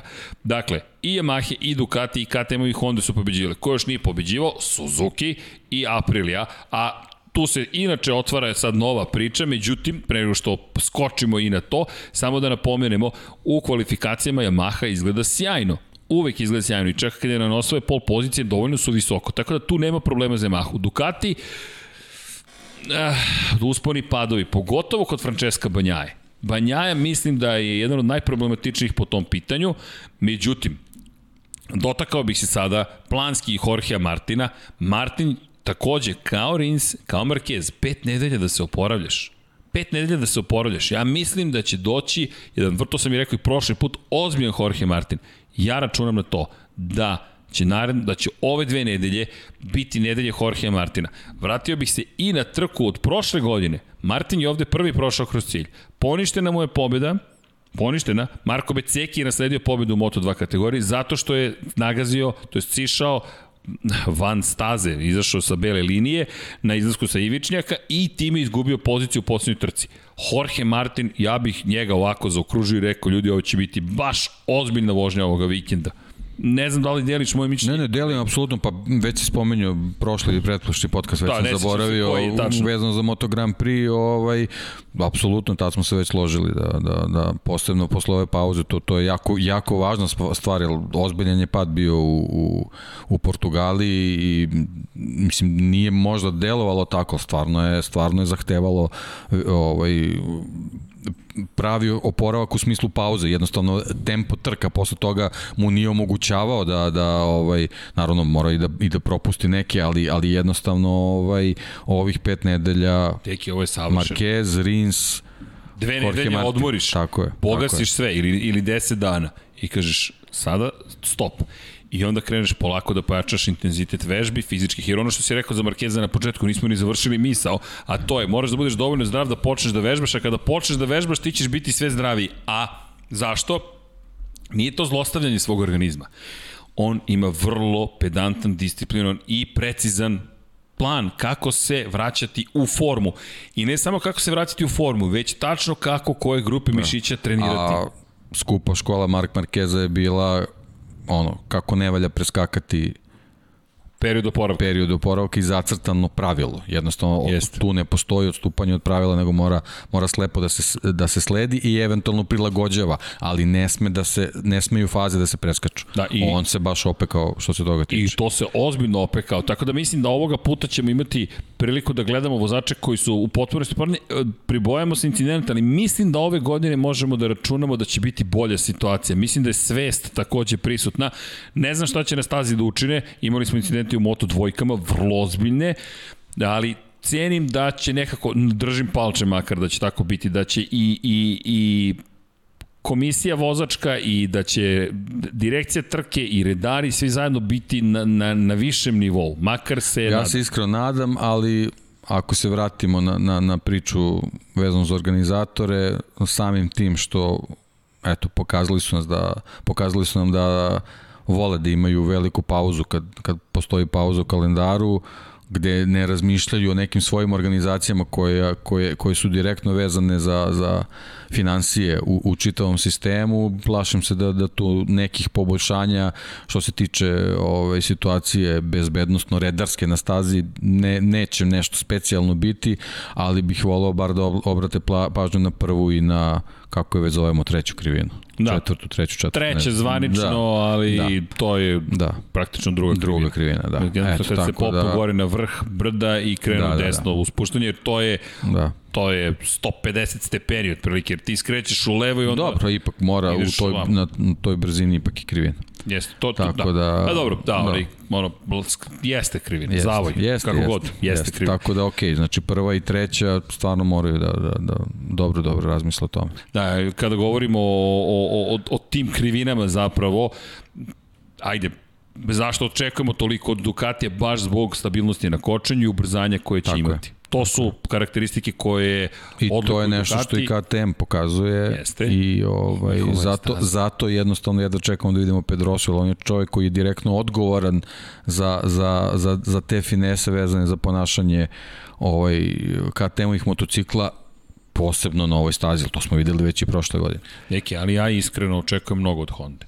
I vozači su potvrdili da mnogo novih dijelova stiže u Austriju, i da će... Da, iz, izvinjam se, to ne smo da zaboravimo, pa ćemo se vratiti na Hondu. Da. A, Dani Pedrosa neće voziti identičan motocikl kao preostali vozači. Na njegovom motociklu će se naći neki elementi koji služe za razvoj za preostale trke sezone. Tako da tu postoji mala zadrška, a, jer ne znam, ne znam u kom procentu će to utičati na performansu tog motocikla. Zamisli pozitivno bude uticalo. Da, da, da. Pa, Zamisli ukoliko da, to da. bude neki test koji nije, pa, neće imati negativne vidi, posljedice. Znaš kako, to može da bude test, mi to ne znamo. To možda može da bude test za drugi Spielberg. Da, možda.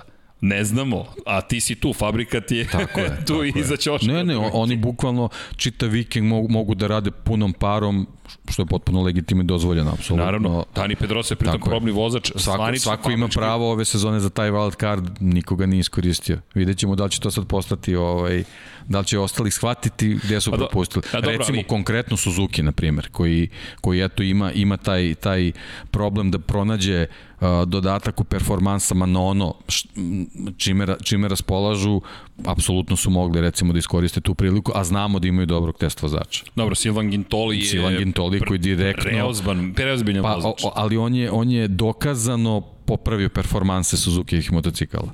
I, Svaki put kad je dobio priliku, je. čovjek je unapredio motocikl. Tako je, tako A, da eto, ako, ako je neko mogu da se ugleda na, na, na KTM ili možda da ih preduhitri, to je mogu da bude Suzuki sa Gintolijem i, i njegovom wildcardom. Ne, ne u smislu da se po, pojavlja vozač koji bi sad trebao da im donese neke bodove, to apsolutno u ovom trenutku nije toliko bitno, nego jednostavno da, da ovaj u realnim uslovima u, u trci na stazi doprinese poboljšanju motocikla jer, jer Suzuki svaki, svaki procenat poboljšanja je u ovoj situaciji izuzetno značajan. Da, ne, Silvan je šampion sveta bio u Superbajku.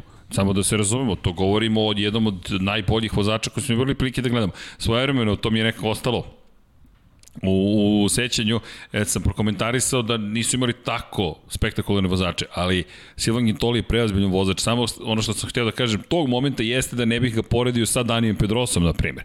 Ali to je taj izuzetak, ako da imate Jorge Lorenzo ili Danija Pedrosu ili takve šampione kako testiraju, to je malo drugačija situacija. Absolutno. Silvan nije imao te uspehe u Moto Grand Prix. Nije kao Andrej Nedović uzimao 15 pobjeda, na primjer, u šampionatu sveta. To ipak je drugačija neka kategorija poređenja. Tako da, Silvan Gintoli, da, nedostaje. Mislim da je velika šteta što Suzuki to ne iskoristio, ali kada spomenjamo sada već i, i Andreja Dovicioza ponovo, a spomenjali smo ga kao pobednika, zanimljive su izjave o kojima smo pričali Aleša Spargaro koji je rekao da je previše spor bio u simulacijama trke Andreja Dovicioza i da, ne, da ga ne vidi kao svog zapravo klubskog kolegu u 2022. Tokom letnje pauze, iako nije bilo mnogo informacija, se ipak učvrstila priča da će uspostaviti saradnju Maverick Vinales i Aprilija.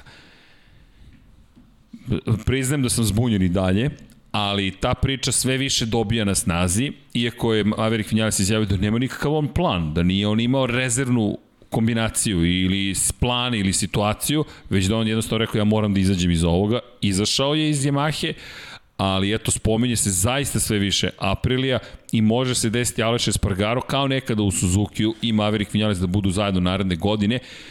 Moram priznati da mi je zbunjujuće, pogotovo što Doviciozo deluje da je njegova pojava kao probnog vozača pozitivno uticala na Apriliju, ali okej, ne znamo šta se zbiva iza kulisa to je nešto što nas čeka u, u, u ovaj predstojećem periodu. Iskreno, ja sam mnogo više informacija nevezano samo za, za taj transfer, za, za, za sve ono što, što, što s čim smo, oko čega smo znači, znati željni očekivao da, da, da čujem tokom ovih, ove pauze, ali bukvalno ništa.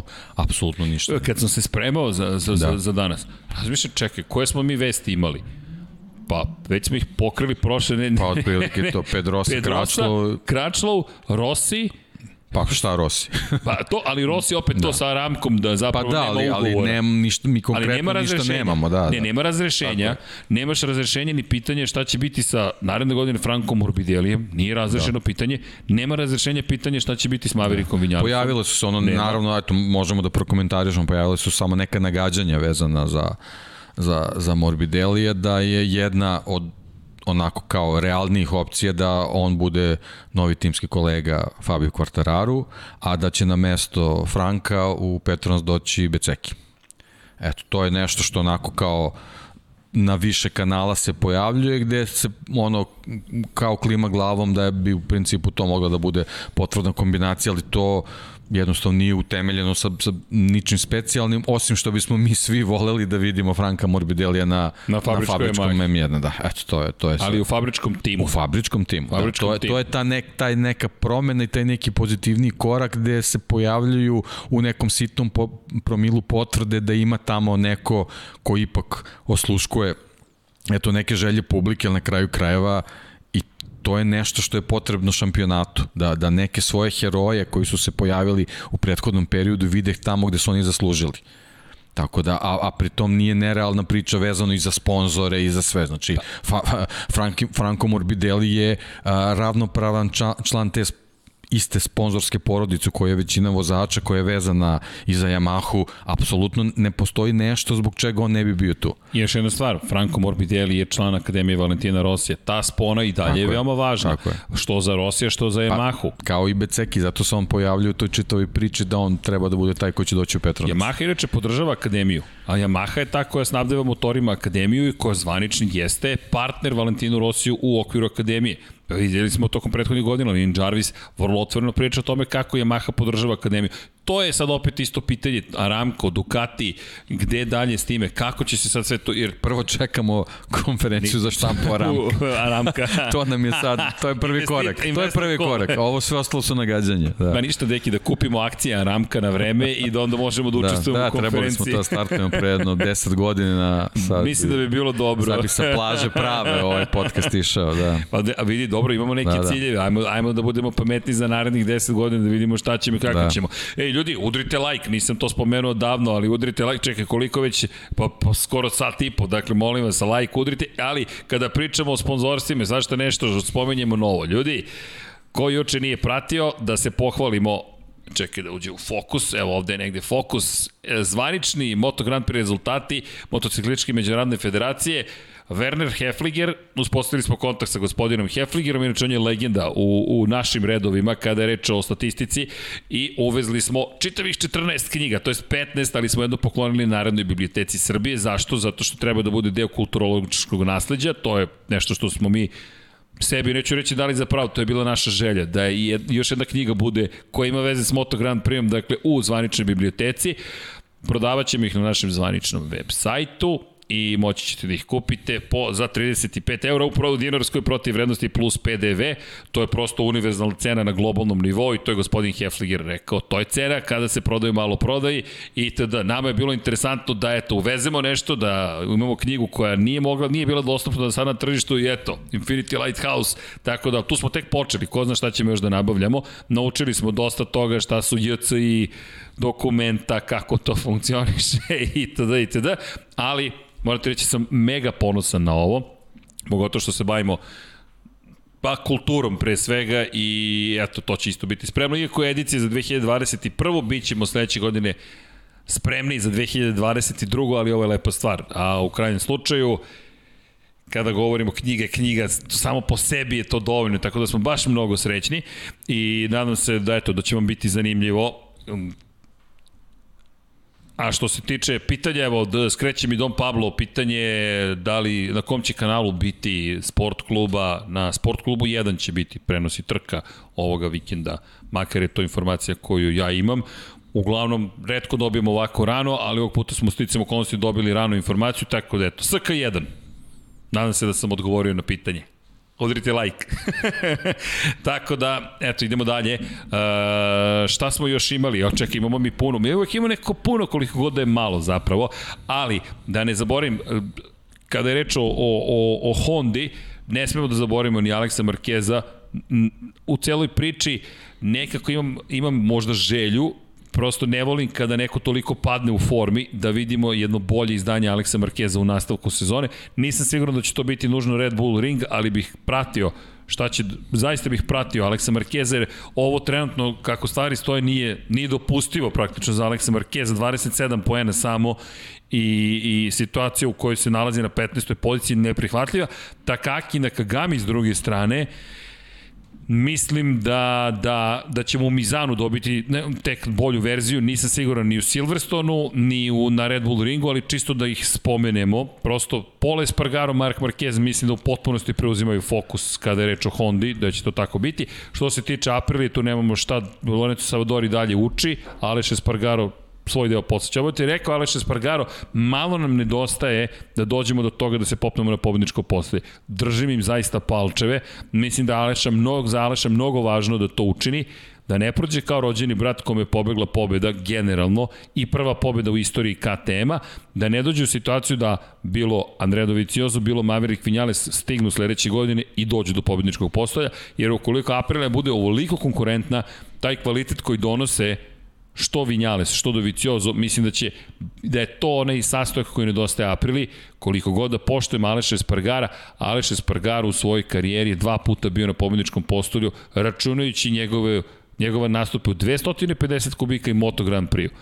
To opet govori nešto, njegove klubski kolegi su uspevale da izvuku više, ali u Aprili niko još nije uspeo da, da, da bude toliko dobar. Međutim, kada dođe svetski šampioni, to značajno menja stvari. To, to su značajno menja da... stvari, ja verujem da značajno menja samo organizaciju u toj poslednjoj liniji je vezano za ekipu koja izlazi na stazu.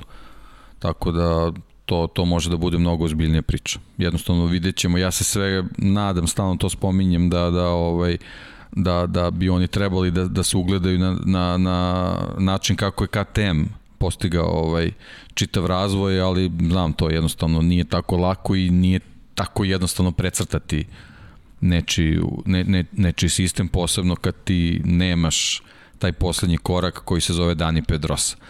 To je, Na, to je nešto što, što njima da, što njima nedostaje, eto ono što si ti rekao, vidimo da ne verujem da igra slučaja da, da se napredak uh, poklopio sasvim slučajno sa, sa testovima koji ima Andreja Doviciozo, verujem da zaista to ima uticaja, ali oni su možda tu morali odlučnije da odigraju na, na, na neku kartu vezanu za test vozača. Ali, ali šta nedostaje, Deki, to ono što si ti savršeno opisao, imaš situaciju u kojoj u Hondi imaš momka koji je bio od KTM-u do juče, koji doživljava da atmosfera, organizacija nisu isti. Ne znači da je bolje da je loše, nekom više odgovara jedno, nekom više da odgovara drugo.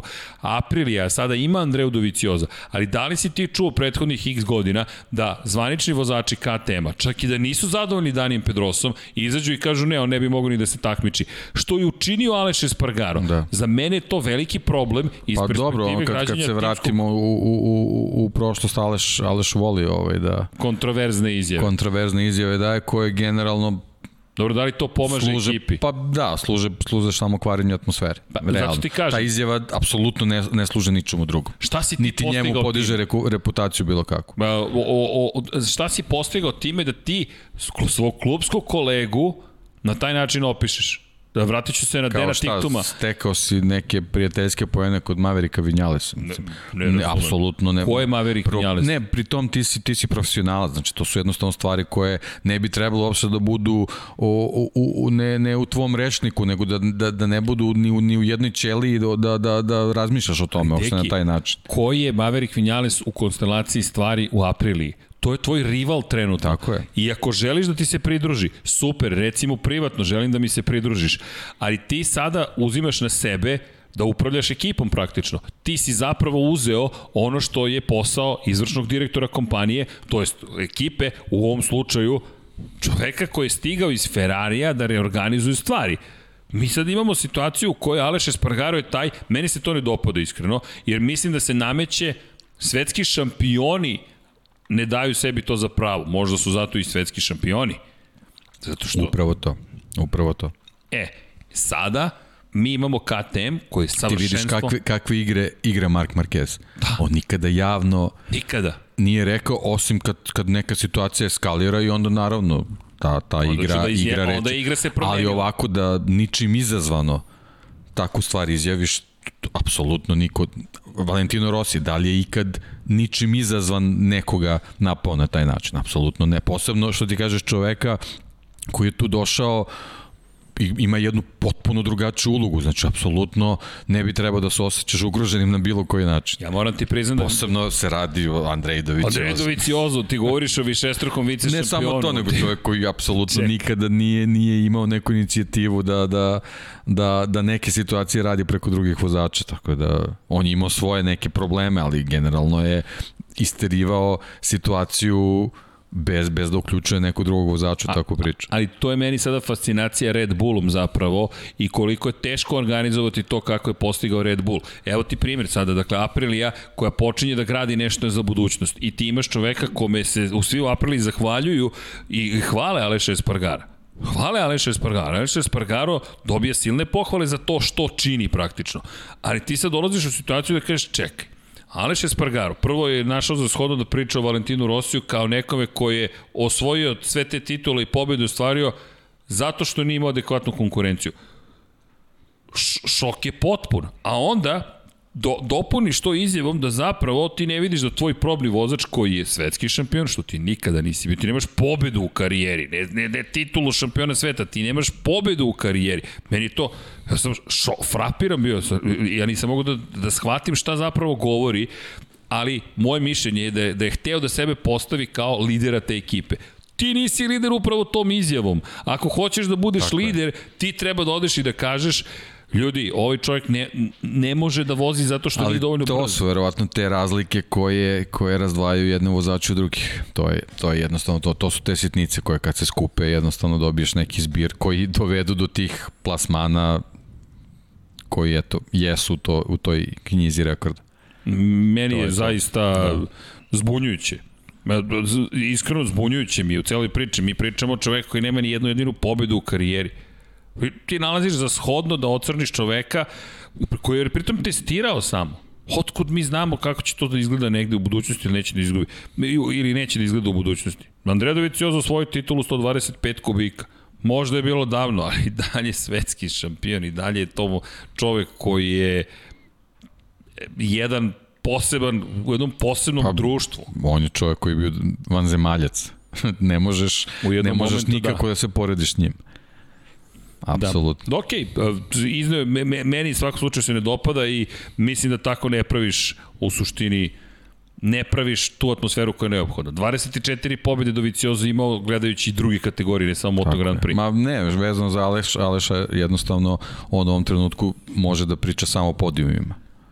To je jedino, jedino što je potrebno. Dva Ne, Aha, kažem, u ovom trenutku. Za, za, za april. Znači, u ovom trenutku, da. vezano za aprilu, ti samo možeš da pričaš o podijumima. Mislim i, i da aprilija mnogo gubi svim ovim situacijama u momentu kada to nije neophodno, u momentu kada je potrebno da se svi zajedno okupe oko zajedničke Kažem, uh, uh, za sve treba da bude uzor ta, ta atmosfera koja vlada u KTM-u, za koje sam uveren da je ta atmosfera doprinela da Dani Predosa prekrši svoje pa svoju reč svoju reč, svoju reč. ali to je jako krupna stvar da se više nikada neće trkati u Moto Grand Prix-u, da on zbog čitave uh, atmosfere u toj ekipi kaže ok, prihvatam wild card. Pazi, je Jer on je jednostavno uznesen pozitivnom atmosferom koja, koja to vlada. Pete Byrer je jedan preozbiljan menadžer, preozbiljan čovek, bivši motocross vozač, čovek koji je ostao nepokretan posle strašne povrede koje je doživeo, u kojoj, i on je rekao, ja krvarim naranđasto, to su korporativne boje KTM-a,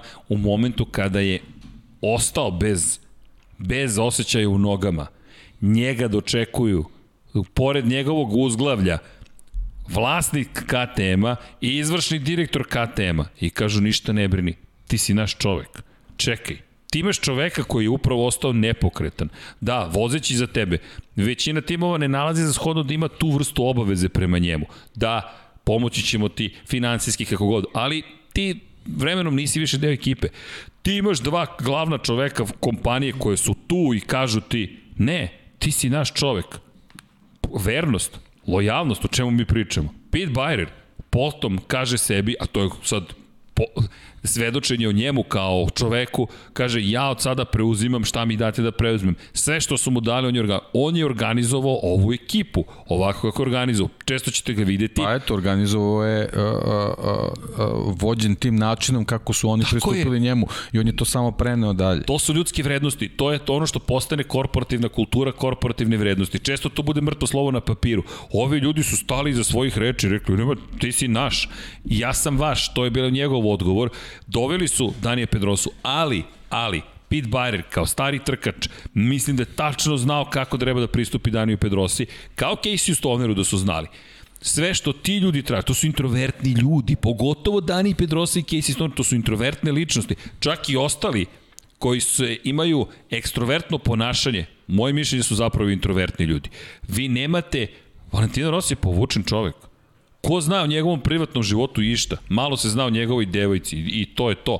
Ali suštinski on je zatvoren čovek koji je u krugu svojih ljudi koji su sa njim od srednje osnovne škole.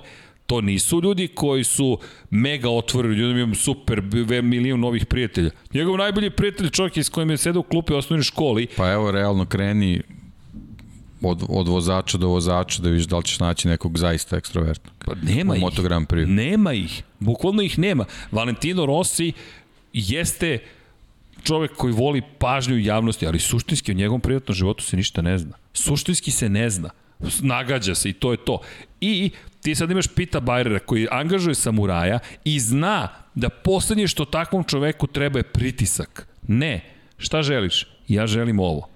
Ok, želiš poštovanje i da te ostavimo na miru. Da, uglavnom bih to voleo. ok, imaš naše dužno poštovanje, ostavit ćemo te na miru.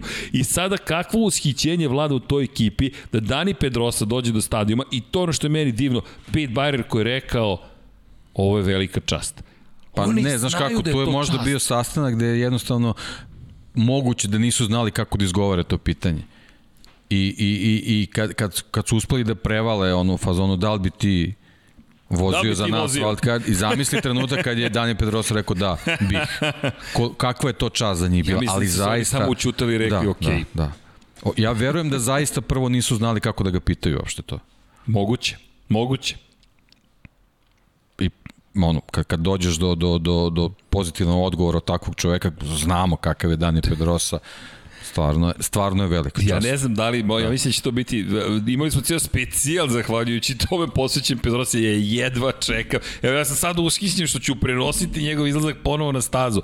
To je kao, ne, vraća se... Ne, ne, stvarno, bez obzira, svi ovi momci što smo spomenuli zaista, mislim, svaka čast i, i, i mnogo mi je drago što što možemo da pratimo i komentarišemo još jednu uzbudljivu sezonu gde, gde bez obzira na, na trenutnu dominaciju Fabio Quartarara, mislim to možemo da kažemo pre svega zbog poena pa, u šampionatu, da bez obzira što, što imamo njegovu dominaciju, mi i dalje u igri imamo 5, 6, 7, 8, 8 vozača, ja zaista mislim da, da je Dani Pedrosa zvezda ovog vikenda koji zaslužuje prvi kadar kad, kad stignemo da, na veliku nagradu. Slažem se s tobom, da. mora da počne iz garaže da. broja 26, da. ceo prenos. Ako ne, sledeći specijalo Dorni. I poslaćemo im link. da. Pogledajte i poslušajte. Da, ali morat ćemo onda da prevedemo ceo. Da, pozdrav inače svim prevodiocima koji su volontirali i pokušali da prevedu naše podcaste. Rekli su, mnogo često upadate jedni drugima u reč, teško je ispratiti rečenice, teško je formirati strukturu. Ne, vidio sam da i ljudi koji slušaju podcast kažu moramo da vraćamo. Ne razumemo vas ništa šta pričate. ali dobro, to je ali, tako, to ne može da se promeni. Pokušaj Izvinjavamo se svima, ali... Pokušaj ali ne, ne, ne, ide. Ne, ne ide. Ne. To je kreativni haos koji funkcioniše ovde, ali drago mi što i tvoj Ne, to tako treba da bude i jednostavno to to ne može da se promeni tek tako. ne, ne, I ne treba. Ne, I ne treba I da ne se treba, menja. Ne, ne, da, inače, ne. ili imamo neki komentar, kako se da... Čekaj, jao, znaš šta nismo odavno učinili? Uh, evo, jedno jednostavno pitanje, anketa popularna. Da li vam se dopada studio u ovom izdanju ili ne? Jao, ne, kačket. Kačket. Kačket je za anketu, a studio možete prokomentarišati kroz chat. Da, kačket. Da li vam se dopada kačket Lab 76? I šta biste još dodali, učinili i tako dalje, ali to isto za chat. No, dobro, to sad ti znaš da volim da proširim pitanja. Ne može jednostavno, moram ali ipak da se zakomplikuje situacija. U svakom slučaju, pa pazi, e, Dani Pedro, ma, ma, ma jedno čekam, ali da, da, da, da ispoštujemo sve vozače, da ispoštujemo pauzu koju smo imali, da ispoštujemo Moto dvojke i Moto trojke, da vratio bih se samo posle i, i ne dopada mi se to što se zbivo Aprili, mislim da će da naprave veliki problem sami sebi i mislim da Da. Ja samo, samo ovaj, koliko god smo pričali o pozitivnim efektima ove pauze, plašim se da zbog tog njihovog dobrog naleta, da tako kažem, u poslednjim trkama gde je onako iščekivali smo to, taj podijum, ovaj, plašim se da, da ova pauza samo eto nije ovaj, donela neke negativne efekte ovaj, vezano za Apriliju, pre svega zbog tih izjava Aleša Espargara, jer uh, uh, ne znam, ne znam da li se slučajno nešto desilo u ekipi zbog čega je on ovaj bio dobio neki povod da da pa, da da da takve izjave tako da, da, da nadam se da da će nastaviti sa pozitivnim uzgonom. Eto to Ajde. je to to je ono što mi što mi bitno. Ovako da postavimo stvari iz perspektive iz perspektive onoga što je proživeo Aleš Espargaro, da, da, da i pozitivno nešto kaže iz te perspektive u njegovu zaštitu, a to je doživio da je Suzuki imenovao vozača broj 1, Andreju Janone, to je prvi put u modernoj istoriji da neka ekipa u ugovor stavila ti si vozač broj 1, to mislim da je velika greška Davida Brivija. I tada Aleš Espargarao rekao, rekao, ok, ja vas napuštam, ovo, ovo je neprihvatljivo. Nisam tražio da ja budem broj Dobro, to su vjerojatno greške na kojima i Brivi učio i kasnije Jest. primjenio kontra priču vezanu za, za Rinsa i Mira i znamo i, i sve znamo. I dobio, ovaj, da, dobio titulu. Smo dobili. Znači, dobili smo, dobili smo šampiona Mira kome Rins u poslednjoj trci pomaže da dođe do titula. To je nešto što je, što je ravno ono izjavi Brasela sa prošle trke. Učinite sve što treba vezano za mene da bi... E, Jelena da imala bi, zanimljivu teoriju, da bi Trajković, da je to ovaj, poruka Mercedesu. Pa može da bude, da, da, da, da. Ali dobro, mislim, nije, nije to Russell prvi put, to je verovatno na taj način odreagovao, samo što ovaj put smo mi to čuli, zašto je bilo jako zanimljivo, jer su bodovim. Da. Tako, Russell mi zaista deluje kao dečko koji je, koji je timski igrač, ali nekako je to odlika te nove generacije vozača, vidimo recimo konkretno Landa Norris. On je jednostavno momak koji se uklapa sa svim u ekipi. Kogod dođe od vozača, on je s njim super. Tako da ovaj to je to je ta neka nova generacija, ajde da kažemo britanskih vozača da suzimo ovaj taj, taj izbor i generalno te neke nove zvezde koje dolaze kao što su Norris i, i, i Russell. Da, Norris je pa drugačiji, da, apsolutno je drugačiji. I kad... Ali sad, izvini, ovaj, čisto vezano za tu izjavu, da, to je slažem se apsolutno da, da može da bude dobra poruka Mercedesu, ali tamo je Jost Capito. tako da ne verujem da će to tek tako lako da, da ide. Da, do, čekaj, doći ćemo do Formule 1. Ne, ne, okej, okay, nego samo, važno... samo ve, vežemo za ovu priču vezanu za Suzuki. Jeste. Kako je, kako je Brivio naučio iz te svoje greške. Da, on je želeo mnogo. jedan efekt, dobio je nešto sasvim drugo i plašim se da, da je Aleš možda sad dobio neke slične signale zbog čega smo i dobili te, te, te izjave. izjave da, koje ne da. pomažu.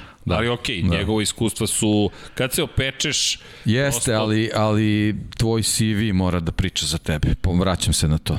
A, Uvijek je CV. A vezano za budućnost, njegove izjave trebaju samo budu vezane za konačan podijum na Spielbergu 1 ili 2, sasvim sve jedno. E onda, da li, onda može da priča. Da li April ima dovoljno snage? Ja, ja to ne znam. Ja to ne znam, a imali su pet nedelja kao i svi ostali. Strog si, da, dopada da. mi se, dobro, to, to, to i tako i treba da bude. Ja mislim da April ovde nema mnogo šansi, najiskrenije.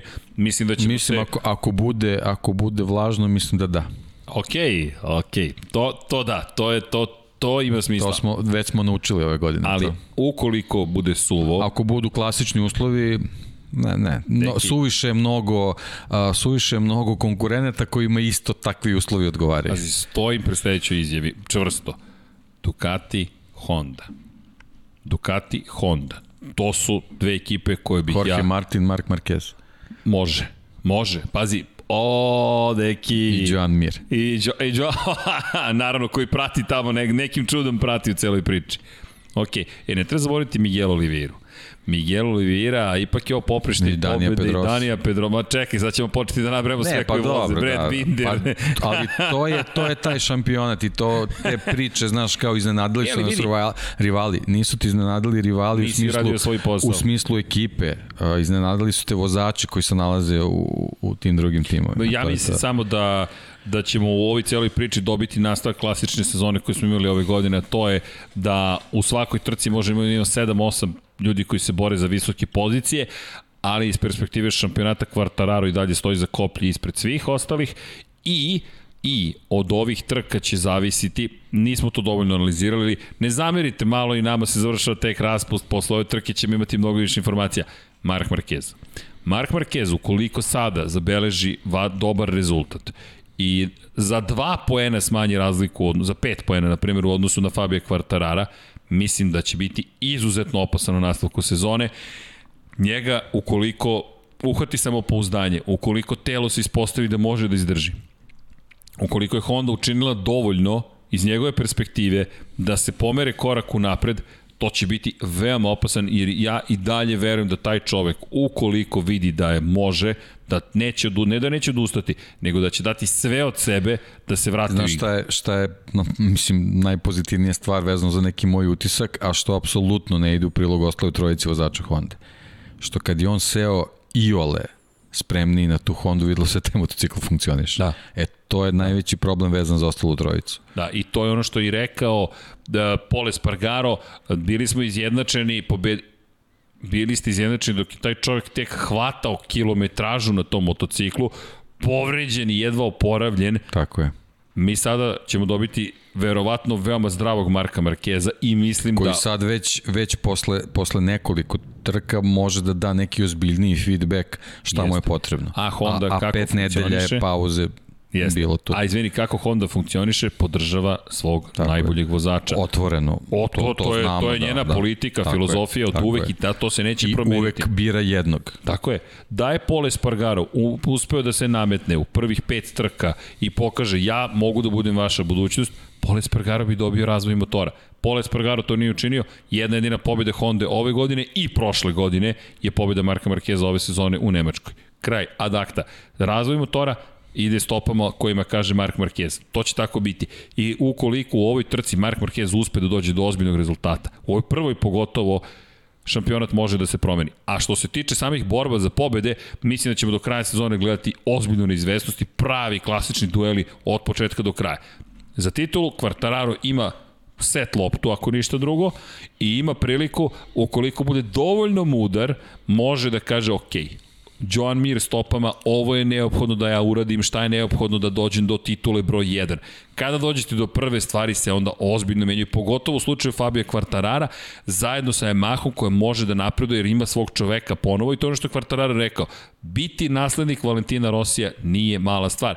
Mislim da je time pokrio dve stvari. Prvo da je rekao ja sam naslednik Valentina Rosija, ja ću da donesem titulu. Ono što je tu problem zaboravio da je, da je zapravo Jorge Lorenzo poslednji šampion Yamahe, ali Rossi je bio ta zvezda koja je nosila Yamahu, čak i kada je osvajao titule Jorge Lorenzo, što govori opet i o Rossiju i o Lorenzo. I treća stvar, hajde da dodam još jednu, Maverick Vinjalecu je poručio, nisi ti, ja sam. Maverick Vinjales je pa, izašao iz cele priče. Na dva načina me poručio i, i, I, i verbalno i rezultatima, tako, je. tako da... Tako je, tako da Quartararo, to, to, da. budućnost je Mahe. To je budućnost je Mahe, to je, to je adakta.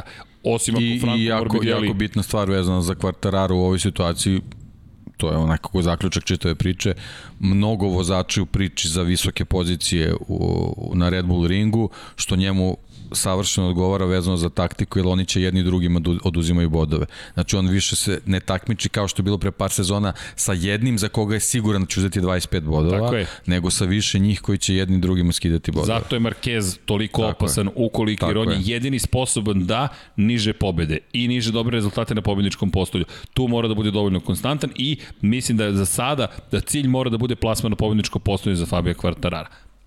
Ako može da pobedi, naravno će ići na pobedu. Ali, ali nije mu neophodno. Ali mu tako je, nije neophodno, ali i teško je pobeći na Red Bull ringu. Ni Marquez u svojim tako najboljim je, danima nije uspevao da pobegne. Tako Ljudi, uvek je neko bio tu, uglavnom Andrea Doviciozo.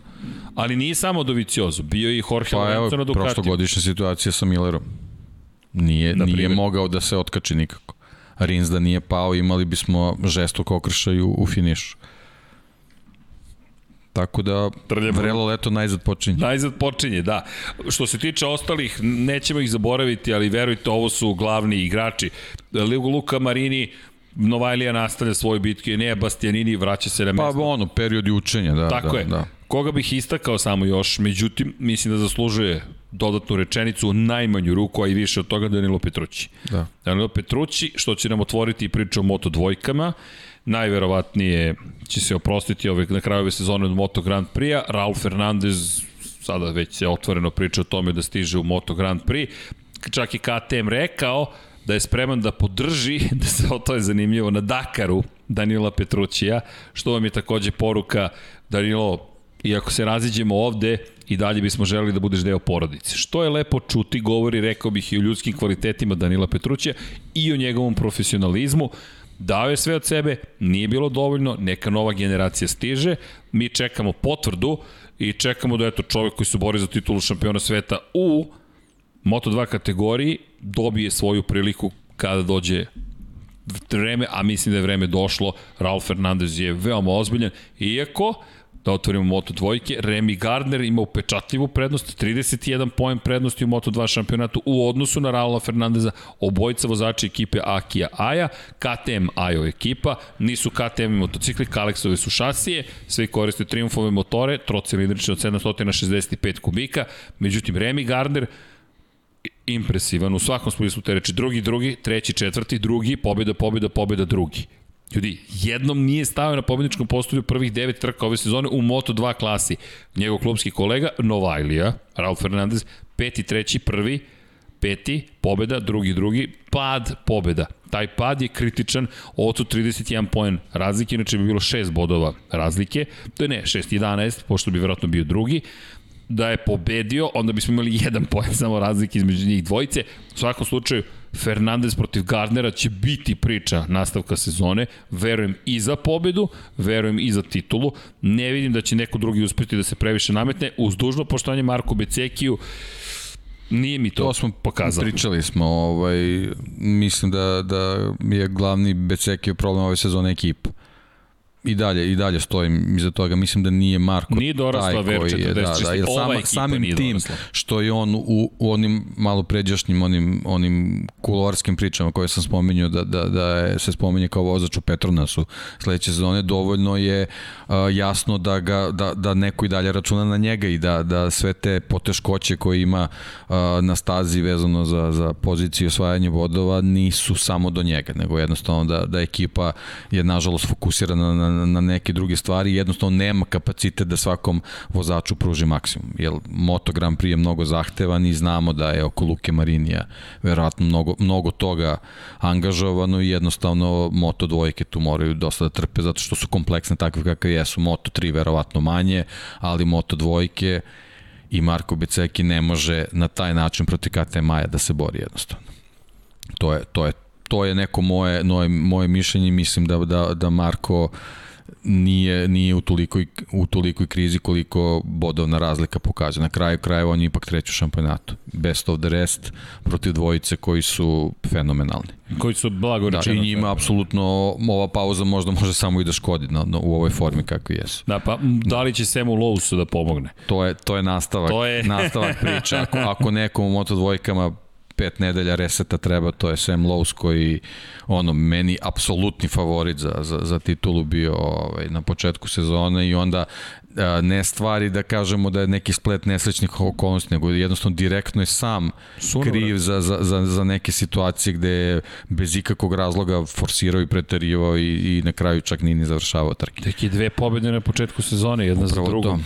Pa onda pad, pa treće mesto i pomisliš taj pad je bio izuzetak. Portugalija je stvarno početak prva krivina čud, prosto čudna situacija, ali... Baš čudna situacija. Francuska pad, Italija pad, sedmi u Francuska Kataloniji. gde sam ja mislio da će ponoviti neko izdanje iz prethodne godine, da će mu tu biti novi uzlet, a u stvari ništa, sve, ne, sve, sve je stalo. Da. I onda sedmi u Kataloniji, pa peti u Nemačkoj i u Holandiji, veliki rezultat, da. ona četvrta pozicija, ona bitka da. na kraju baš je velika bila. Mnogo mu je značilo da da da, da za samopouzdanje, da, da, da, da. I Mislim za to da, da ode na vikend, na vikend, na raspust da ode i kaže okej, okay, nešto sam učinio ono, pozitivno. Daj, daj da pronađem Sema sa kraja prošle sezone. Onog I, samouverenog Sema i, i, i moćnog Sema na kraju kraja. I Augusto Fernandez koji u toj da. priči podržao celu ekipu praktično da. i odjedno Mark VDS Racing deluje mnogo bolje, ono a to što, je potrebno. Ono što Gardner i Fernandez rade, ja sam bio ubeđen da, ubeđen da će raditi Lowe's i Augusto, drugi, A, dobro, drugi Fernandez. Dobro, možda, hajde da vidimo da. nastavak ne, ne, sve okej, okay, sve okej, okay, da ali se... mislim da, da su tu sad već velike razlike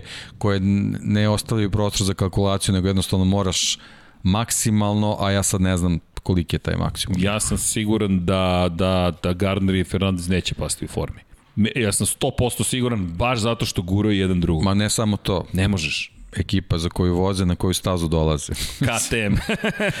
I, I čiji su ti boje Red Bullovi. Ono, verujem da su već, trka? verujem da su već dve nedelje tamo. Dve. Koliko trke? Da. Dve. Koliko? Dve. Da, Ljudi, da. Šta radimo? Pa ništa, bit ćemo kod kuće. Gde? Bukvalno kod kuće. Šta ćete? Evo, KTM je juče imao kupljenje novinara u Beču. Za KTM je ovo veliki sportski događaj.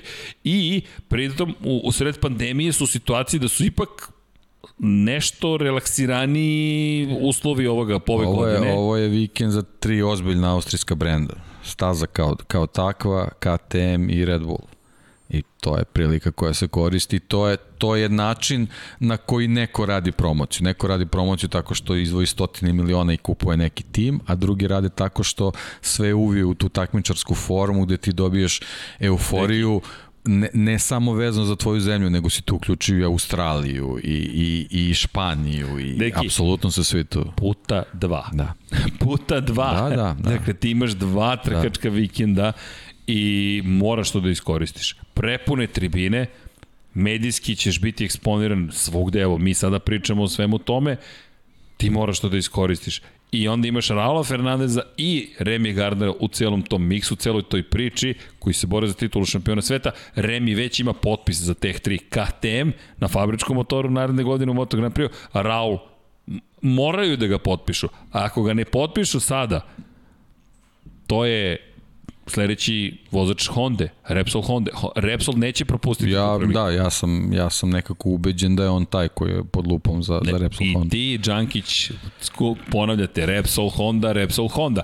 Ja samo mislim da zahvaljujući ne, ne, ne, niste to splet okolnosti, fantastičnim potezima koje Red Bull pot, povukao, uključujući ovo sa Danijem Pedrosom, uključujući te, evo, na keca, da si vozač, gde bi voleo da pripadaš sada u Moto Grand Prix? I da, da. Ovako sa strane, trenutak. apsolutno KTM-u. Posebno ako si španac koj, kojeg srce vuče ka Repsol Honda i ti ako je Dani Petrosa tu, E, to je zanimljivo, to imaš, mi nije imaš, na pamet. Imaš taj kamin gde trebaš da sedneš, da, da, da ti bude je, lepo prijatno. Da, ognjište. Koliko to, to, to. je Dani promenio da. Moto Grand Prix svojim potezom? Koliko je KTM promenio? Put mirnog ratnika, ne imamo knjigu. Da. Ej, stvarno? Da, pa to smo, to je izbor za, za čitanje na plaži. Put mirnog ratnika. Vezano za Danija Pedrosa, da, da, da. Šta vam sad vam kažem, ovde ima mnogo detalje. Gde sam ja bio kad to sve... Šalim se, imamo, spremamo mi neka nova iznenađenja. Dejan je bio vredan, pa evo kaže mi Don Pavlo, pa čuti. Pa kako ja da čutim, ne razumem, ne, ne razumem tu reče, ne razumem glagol koji mi upućujete kolega, zaista. šta, Vanja, šta znači ovo pa čuti? Ne, ništa mi nije jasno. E, znaš šta bismo mogli? Dom Pablo, ne otkrijemo identitet. I da sledeći piše, put u, pa u podcastu Moto Grand Prix sedneš tu kako Pedrosa ovaj, se pobed, oh, po, popenje na podijum oh, ove dve trke. Ej, poslušaj da. ga. Pablo se našao između dve vatre iz juče, ali bio dobar. Vanjeni pogledi. Ja ga pitam kako ti izgledalo ovo sa Bottasom. Odlično. Čekaj, šta? Pa spektakl. Liberty Media je zadovoljna. Gledanost Formula 1. Priča se o Formuli 1. I tako dalje. Či šta da iskoristimo pre Moto3 priliku? Neću, ajmo, nemoj, nemoj sad njih da pocenjujemo. Da dobro, da. ne, ne pocenjujemo da. uopšte, naprotiv. Inače od ostalih, ljudi svi su iskoristili odmor, ali možemo da ih čitamo. Da, Fabio Di Antonio koji već ide naredne godine u Moto Grand Prix, bit će tu, ne znamo šta će učiniti. Marcel Schrotter, samo bih ga pohvalio, šesti u šampionatu sveta. Ne znam kojim čudom je Schrotter šesti, ali rekao pa, bih... samo jedan nezavršena trka. Da, ali, ali pazi, govori nešto i o Moto 2 kategorije ove sezone. Koliko su zapravo, ali mislim da to nije samo usled toga što su u lošoj formi, već mislim da je Mlin koji se zovu Gardner Fernandez samleo kategoriju i da ove godine možete da vidite oni su odneli mnogo bodova tako da dole ne preostaje puno matematički i onda neko ko, ko Neki. lepo skuplja bodove kao Šroter, o. koji pritom nije nikad bio u nekom specijalnom vrhu Meni je ovo litmus test. Devet trka iskreno. kad se to lepo sabere, to je... Znaš šta mi izvini, znaš šta mi je ovo test? Da vidimo ko ima budućnost ili nema budućnost ne. u Moto Grand Prix. Ko ovaj mlin preživi?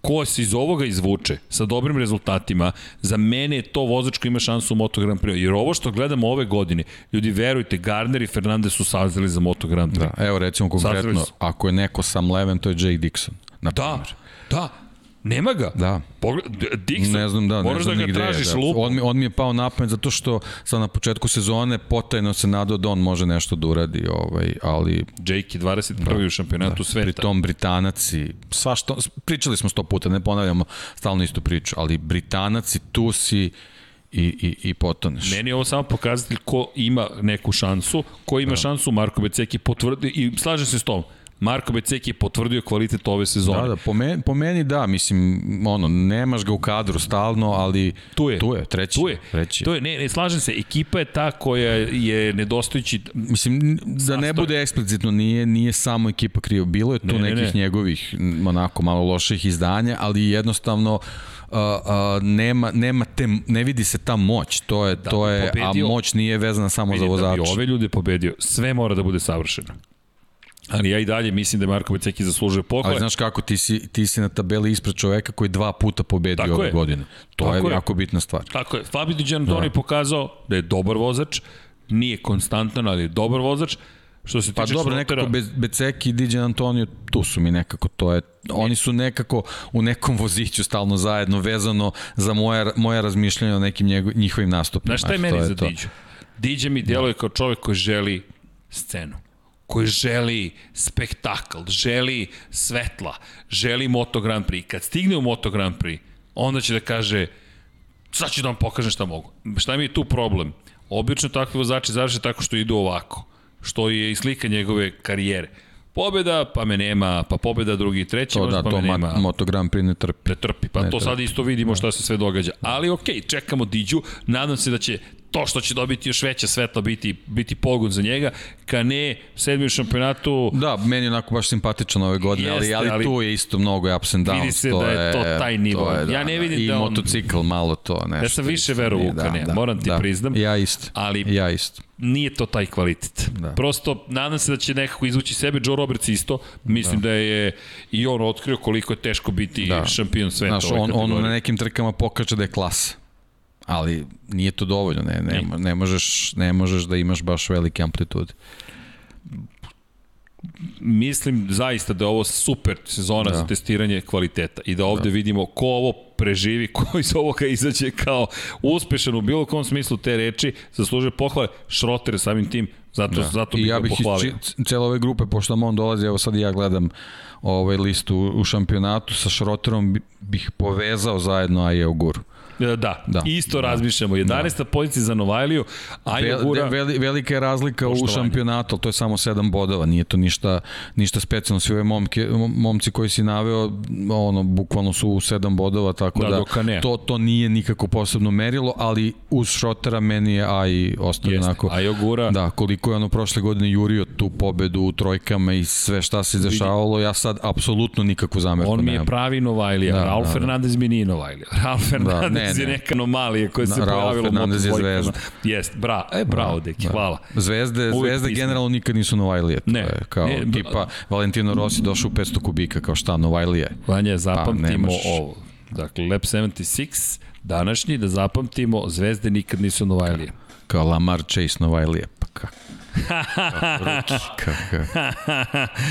ok. Ja, malo, da, da, da, da, da, da, da. Jamar Chase. Da, da. Da, da.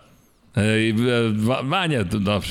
Deki, ja, Deki, kako ćeš da gostuješ u svim podcastima koji... Po... A hoćeš da ih vodiš?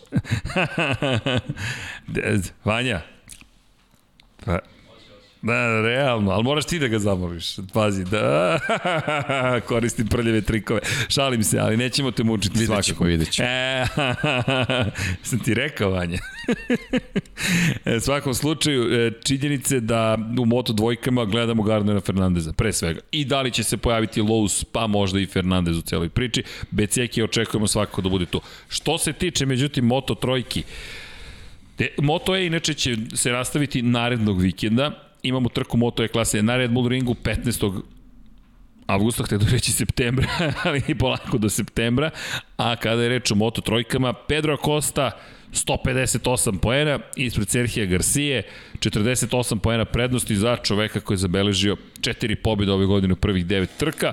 I dalje, lepo si rekao Zvezda, Zvezde nisu Novajli, baš mi se dopada rečenica, bio je, inače, Pedro Costa, neko koga bio je u fokusu kao jedan od trojice Novajlija, ali ovo što je učinio u prvom delu sezone promenilo njegov status. Čekamo ga u Moto dvojkama već naredne sezone i ovo je sada samo pitanje, rekao bih, održavanje prednosti. Mislim da je vrlo svestan u istoj ekipi kao Gardner i Fernandez, samo niža kategorija, Aki Ajo, KTM tim.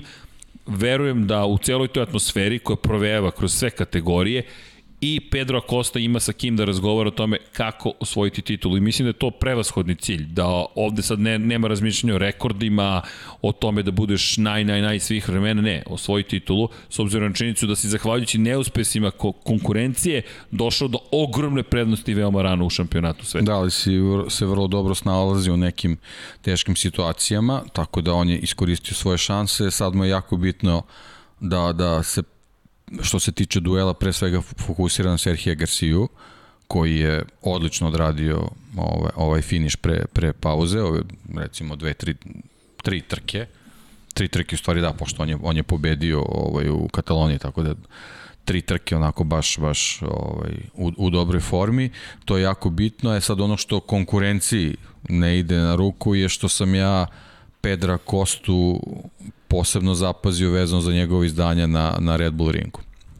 Kako je tu rešavao situacije, kako se snalazio, kako je tu pronalazio brzinu, ovaj, tako da to, to, to, to njegovo poznavanje Red Bull ringa i možda ne ide na ruku u, ovom, u, ovoj, u ovoj situaciji da imamo ovaj, uh, nepoznanicu vezano za broj trka do, do finiša sezone 2 kvalitetna Red Bull ringa za Pedra Kostu, mislim da, da već rešavaju onda neka pitanja vezano za Moto Trojke. Da, kada govorimo o njegovim iskustvima, da se dotaknemo baš ove staze, Red Bull Ring, prvi put je vozio na ovoj stazi 2019. na motociklu, pa je, možemo reći ovoga tipa, pošto je u osnovi u Red Bullom kupu Novajlija Moto3 kategorije, Moto3 kategorije, to je motocikli iz ove klase i to KTM-ovi koje i koristi. Prvi njegov nastup na Red Bullovom kupu Novajlija na Red Bull ringu, pobeda. Dva nastupa imate tokom trkačkog vikenda, nastup broj 2, pozicija broj 5. Red Bull Ring, naredne sezone, prvi Red Bull Ring, puta dve trke u tom prvom Red Bull Ringu, pobeda. U drugom Red Bull, ne, u prvom Red Bull Ringu druga trka, pobeda. U drugom Red Bull Ringu, pol pozicija i pobeda u prvoj trci, u drugom Red Bull Ringu, u drugoj trci, imao i dalje pol poziciju iz prve trke i pobeda. Ne, ja, meni je 2019. Kraj. i ta prva trka, to, to mi je bila fascinacija, tako da od tad sam, mislim, ne, ne, da ne preterujem, ali zapamtio to ime.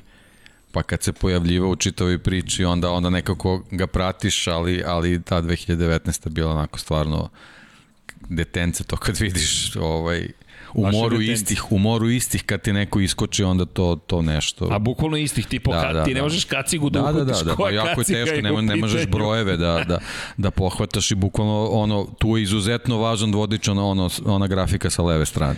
I jednostavno ne, ne možeš, jako je teško da se prati. Ali kad u toj masi neko iskoči onda To Mi je, se trudimo po nijansama na kacigama, da. u da, da, da. bukvalno po nijansama da. na kacigama. Da li ima malo više naranđaste ili crvene ili neka zastava da se vidi, bukvalno tako pokušaš ne, ne, baš, da razlaš. Baš je teško, svakam čast, ovo je stvarno... Ovaj, to ti test za vid. To je ono i to i znaš da, da u tim nekim situacijama ljudi ne uzimaju za zlo. Mislim, meni je jako teško da slušam kad u nekim velikim vrhunskim šampionatima komentatori krenu da mešaju vozače gde je prilično eksplicitno ko je ko, to, to mi izuzetno smeta, ali kad su ti tako utakmičenja svakam čas, mislim, tu, tu, ba, baš, je... baš je zahtevno. Baš je zahtevno. zahtevno je, blago, blago da. rečeno. E, kad ali, u da. takvoj situaciji te konfuzije neko iskoči, onda stvarno, ovaj, on je baš onda ga iskočio. treba pratiti. On je baš iskočio, mada da. ja i dalje poučen tim iskustvima iz prethodnih sezona i dalje nisam verovao da osvajač Kupa Novajlija može biti toliko velik faktor u ovom Ne, kažem ti, ja, ja sam te neke detalje gledao pre svega kako skuplja brzinu nekim komplikovanim situacijama, kako se izlači iz njih, kako pazi da, da ne, ne, ne, ne dođu konfliktne situacije koje mogu da se završe padom, a e, to vidimo to i ove da sezone. Da kažem, ko je završio sve trke? Sezone. Ko je završio sve trke? Pedro Acosta je završio da. sve trke među osva... završio sve trke i završio sve trke među osvajačima poena. Najlošiji plasman uključujući trku koju je startu iz boksa, Poslednji, znači istorijska trka o kojoj ćemo tek da pričamo da. i trka u kojoj je dva puta pao. Specijal Pedro da. Acosta. da, da, da, pa dobro, doći će, da. Ko je pa. 370. Pa, pa to će brzo, što. Pa to. Taman kad bude dolazio Moto Grand Prix, to je tu. E, da, već da. će biti moja autobiografija, prva autobiografija, naj, najranije će izbaciti autobiografija. Ne, no. samo me zanima, ovaj, sad mi je to onako, pošto volim te stvari, ovaj, Augusto Fernandez i on, ko, ko zadržava 37-icu.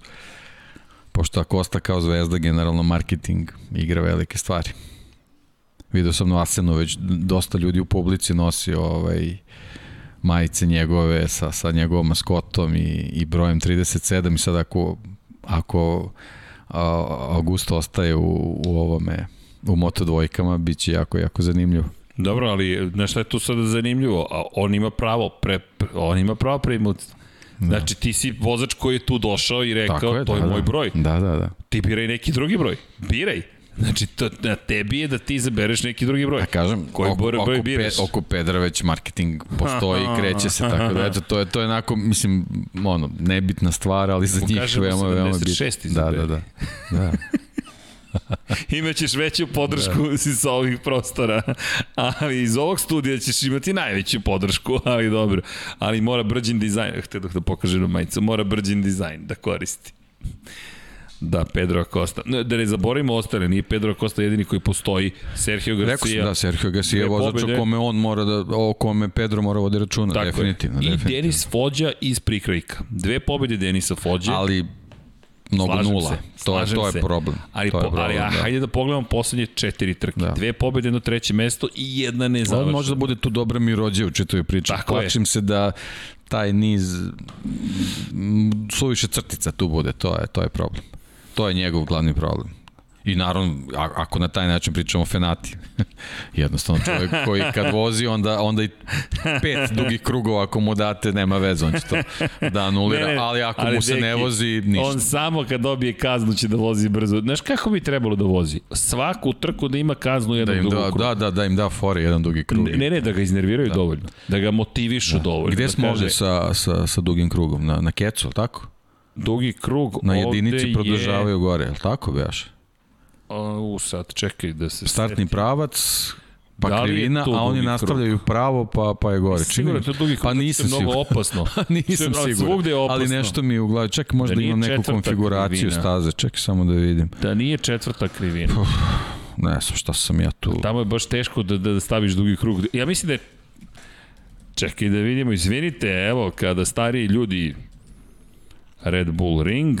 Mislim da će, uh, pitam te to u kontekstu, mislim da će, uh, neće biti bezbolan na Red Bull ringu dugi krug, to, na to mislim. Ali mislim da si u pravu da je prva krivina. Zato što mislim, znaš kako, to ti je, to ti je kao da si promašio kočenje. Jeste. I to je baš nezgodno da, da jel, jel verujem da, da neće biti blaga krivina na, na, na tom dugom krugu, da će morati, ovaj, mnogo će gubiti tu. Da, Da, je tako? pravo si, prva krivina, e, eto, ali da. šta je tu poseban problem? Prva krivina je uspon. Ti imaš blagi, blagi pad posle toga, da. ali ti opet moraš da kreneš uzbrdo, malo to, to, se spustiš i onda kreneš ponovo. To sam nešto razmišljao, mislim da dugi krug na, na, na Red Bull ringu može ozbiljno, ozbiljno da uvede problem, a videli smo da je postala moda da se za svašta dobija ovaj dugi krug tako da tu može mnogo mnogo ovaj vozača da da im upropasti čitav vikend. Da, to će biti vrlo zahtevan dugi krug ukoliko se desi. Ali šta da, je problem? Na Le Manu je bio bezbolan onako re, relativno, ali ovde može da bude problem. I u Brnu, da. kada je u izvođenju Joana Dobro, sad ne možemo više nažalost u Brnu da pričamo, a, a kako je bilo dobro sada je u ovom kalendaru. Zamisli sada da je Brnu tu. Da. Kako meša stvari, jer je drugačija da, staza da, odnosno na Red Bull Ring. Da. I, i, i, i baš bi bilo A logistički je bi lako mogli, mogli su recimo, to to. sad naravno, sad, sad je lako pričati, vikend pre je mogao da bude red, ovaj, Brno, da, da Dorna pomogne uh, Česima, u, da, da, znači da se napravi backup plan, da je Brno rezervna trka u slučaju nekih COVID problema i da Dorna kaže, ok, mi ćemo vam pomoći da, da se ta trka uradi Asfalt. kako treba. Asfalt. Pa dobro, da, ali... Neko je morao da napravi to, taj asfalt. Da, ali nije to nemoguća misija. Nije. Ali Eto, to asfalt je, je morao da, da. da neko da dođe i da kaže, ok, ajmo da napravimo da. asfalt. U, u ovoj situaciji to bi Dorni značilo. Da. U svakoj drugoj, ali naravno ne. Ali se nije ne. dogodilo. Da, nije se dogodilo, ali dobro. Štet, ogromna šteta, da pričamo ali to je bio Tako plan je. savršenog uh, izleta. Idemo u Brno, I onda imaš dva, dva, dve Austrije. Nastavljamo za da. Austriju. Da. Sada odeš i ostaneš u Austriji. Mada nismo otišli, tu smo, ali zamisli, odeš u Brno, završiš Austriju i onda lagano preko Beča do da. Red Bull ringa. Bilo bi baš zabavno, ali dobro. Nadam se da će jednog dana Brno se nekim čudom vratiti u kalendar. Ne vidim u narednih 5 godina da to može da se desi, pa verovatno i 10, s obzirom na činjenicu da će Mađarska imati svoju trku, s obzirom na činjenicu da ćemo imati novu stazu, što samo po sebi će zahtevati veću promociju, veću podršku. Lepo je što će Mađarska biti na kalendaru. Meni je drago zbog toga, samo mi je žao što neće biti i Brno pored toga. Ništa drugo. A Brno je propustilo svoju priliku da, da zadrži sebe u šampionatu sveta. No idemo dalje. Kada je reč o, o ostalim u šampionatu, Đalme Masija bio je sada na, na, na trkačkom danu u Barceloni, međutim Đalme gore, dole, dole, dole, dole, gore, dole, dole, dole, dole i trenutno je na poziciji broj 586 poena. Ne, Jaume se desio u zemlju trezvani Pedro Costa i to je... To, to je, se vidi. To da. se vidi. A Jaume je sve u slučaju zreli, neću reći Kad pogledaš stavim. čitavu priču oko KTM-a, ovaj, posle uh, Petrućija i Lekuone, Jaume je najveće razočarenje u čitavom KTM-ovom timu. I najveći gubitnik u suštini. Najveći gubitnik, de, najveći nemoj, gubitnik. nemoj da se ustručavaš da kažeš to, to je to. Gubitnik. To je to. Jeste, baš je veliki mi smo gubitnik. Njega, mi smo njega čekali u Moto dvojkama posle ove sezone. Veći mi od Derina Bindera. Derin Binder imao veći broj pehova, ali Jaume Mase ali, mislim da je da je sad dobio udarac od koga je pitanje yes. da li će se oporaviti. Yes. I psihički... On je trebao da bude taj sa, ajde ne, možda sa 158 bodova, ali on je sad trebao, yes. trebao sto, neki 130 bodova da ima. Bukvalno je trebalo da bude zamenuta situacija. Tako je. Da je Akosta na petoj poziciji kao Masija, mi bismo i dalje o njemu pričali kao nekoj zvezdi. Kao budući. sjajnom Novajli. ovo je, tako ovo je hyperspace. Da, o, pa da, on je bukvalno otišao da, u da. raspoložen. A ne, odmor je... Ne, nego pijem rak E da, kako ti se dopada Što sam sad? Da, tvoje, tvoje je ozbiljnije, ozbiljnije gorivo, moje mutno. Gorivo. Nešto. Moje nije filtrirano, ko zna šta je ovde. Čaj od nane, da. Dene. čaj od nane. Popiješ čaj od nane, kaže dobar je za bubrige. Evo. Jeste, ali isto tako izaziva i neke nemile situacije u studiju, tako da samim tim moramo da vodimo računa kada govorimo Kao što ste mogli da čujete jednom trenutku, izvinjam se još jednom tokom snimanja današnjeg podcasta, nećemo se praviti blesavi, ali dobro, ima majicu Iron Maiden pa možete da oprostite starijem gospodinu za stolom. U svakom slučaju, šta još imamo? Imamo, pa nemamo ništa više osim pitanja i odgovora, to jest imamo mnogo toga, imamo da održimo trki, da se zabavimo i da onda ajde da uradimo analizu i da kažemo ko je, jao, znate šta treba da uradimo. Ne, bili su neki uplate. Bili Patreoni, su... da, nemoj molim te zaboriš, mislim na Slacku da imaš, da. Slack? Da, da. Izvinjavam se, dobio smo poruku, čekaj, čekaj, čekaj, sad ćemo... Mario. Iznad Marija gore Iznad imaš, Mario. imaš, Vanja ti je poslao. Bakadu, da. hvala. Dragan Stavrov, čekajte, a koje su poruke? Da li imamo pitanja? Sad ću, našao sam juče način da sve to pogledam retroaktivno kad mi pobegne u razgovoru. Odem Hvala u svakom slučaju. Channel monetization, super. Da. Hvala Dragane, Strava Bakadu, kupi kartu, najbolji ste. Poruka kupi kartu. Karte, nažalost, više ne mogu da se kupe za Red Bull Ring. To jest, v, nema pa to davno pričamo, da. Ali možda će biti nekih iznenađenja. Komarac je sleteo na Valentina. Želi da mu pije krv? Mislim da neće da pije krv danas taj komarac. Nismo ga, otišao je negde, otišao je svojim putem. Da, čak ni komarca ne mogu da eliminišem. Bakadu, kupi kartu, najbolji ste, da, nema karata, ali kažem, pratite Infinity Lighthouse na društvenim mrežama, pratite studio naš, pratite, sve pratite, ko zna, možda će biti nekih noviteta. Vredni smo, radimo sve i svašta, pa tako. Ne obećavam, Ne obećam, evo Dom Pablo me već gleda, jao, ali ne obećam, ali može da se desi.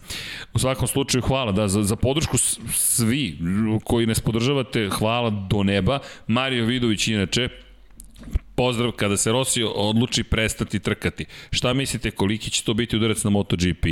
MotoGP ostaje to istina, ali mi kada bi uzeli ljude koji dolaze na tribine kroz celu sezonu, njih 50 ili 60 ima nekakvo obeleži u znaku Rosija. Zamislite ako samo dio tih nositelja Rosijevih obeležja odluči ostati kući, mislim da bi to mogao biti problem. Hvala i ostanite zdravi. Hvala Mario, pre svega ostanite nama zdrav.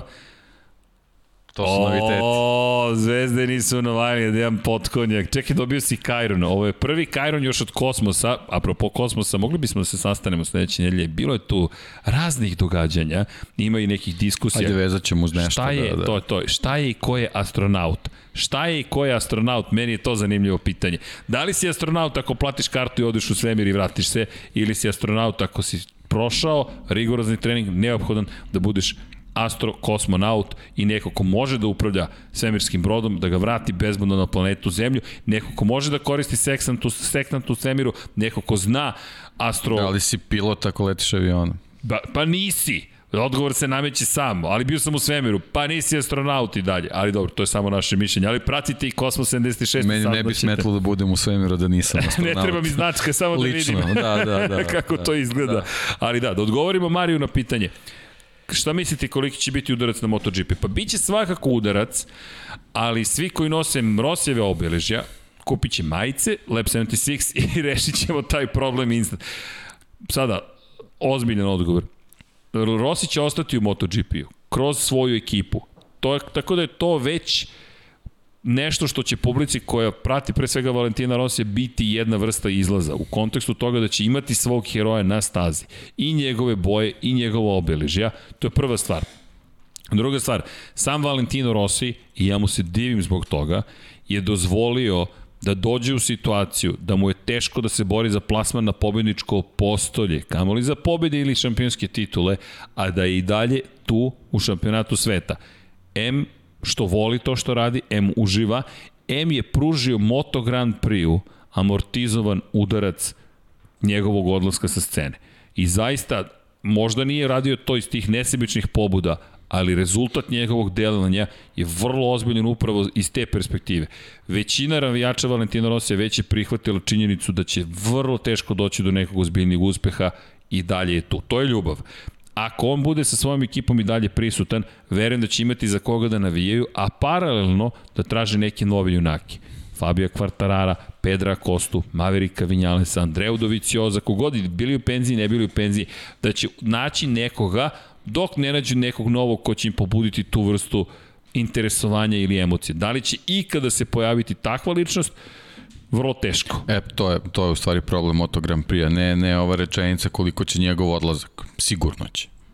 U, u, u, u određenoj sve, meri. Sve je manje, ali vi kad pogledate prošlu trku Asenu, glavnu tribinu, ona je polužuta opet bila.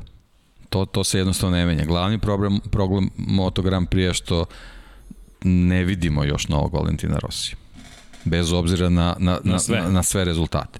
Mark Marquez je taj koji je upisao sebe u istoriju, ali nažalost, evo, sve ovo što se dešavalo... Pa i njihov duel znači, sam po sebi... Da pričamo, znači, kontraverze na taj način, plus o, o, ovi sad problemi koje, koje on ima zbog, zbog svoje povrede, jednostavno tek trebamo da vidimo da li će na neki način, on će sad, njegov povratak će mu pomoći da u nekom procentu povrati pozitivan imidž. Ako, ako ima, naravno, negativnog u, u, u svemu, a ima, zato što jednostavno ušao u konflikt sa Valentinom Rosijem, samim tim ako si ušao konflikt sa nekim koji ima 90% obožavalaca u čitavom šampionatu, jasno je da, da imaš neku negativnu konotaciju, ali mislim da, da će povratak iz ove situacije na, na stare staze, ako bude uspešan, sigurno mu povratiti deo pozitivne priče. Da. Ali to ni neće biti dovoljno da, da, da, da, ga, da ga dobijemo, uh, da u njemu dobijemo novog Valentina Rossi. Pri čemu? Pazi, pazi sad ovo. Imamo sledeću situaciju. Marquez je pokazao da je hrabar, da ga ne interesuje čak ni 90% publike, da je da, spreman da. da uđe u sukob sa svima, ako će biti po njegovom, ako će da kaže, ne, ovo sam ja, ja ovako funkcionišem, ja ovako radim. Ok. Druga stavka. Marquez je izgradio neku svoju priču, ali rekao bih, nije samo pitanje harizme, niko nema harizmu poput Valentina Rosija, do sada nije imao. To je prosto neki neopipljivi kvalitet. Međutim, istorijske okolnosti u kojima se pojavio jedan Valentino Rossi i ono što je postigao su neponovljive. I mislim da je nepotrebno čak tražiti novog Valentina Rossi. Evo Space Jam 2 je izašao. LeBron James kao neko ko eto, čak i u show biznisu je neka vrsta naslednika Michaela Jordana. E, Vanja, šta da radimo? 75 godina NBA lige kreće. To je ta sezona, je li da? Da. Mora da se obeleži, kaže Vanja. Šta to znači? Pa neki podcast treba da Opa! se pokrene. Hoćemo da pokrenemo pa. 6.25 podcast.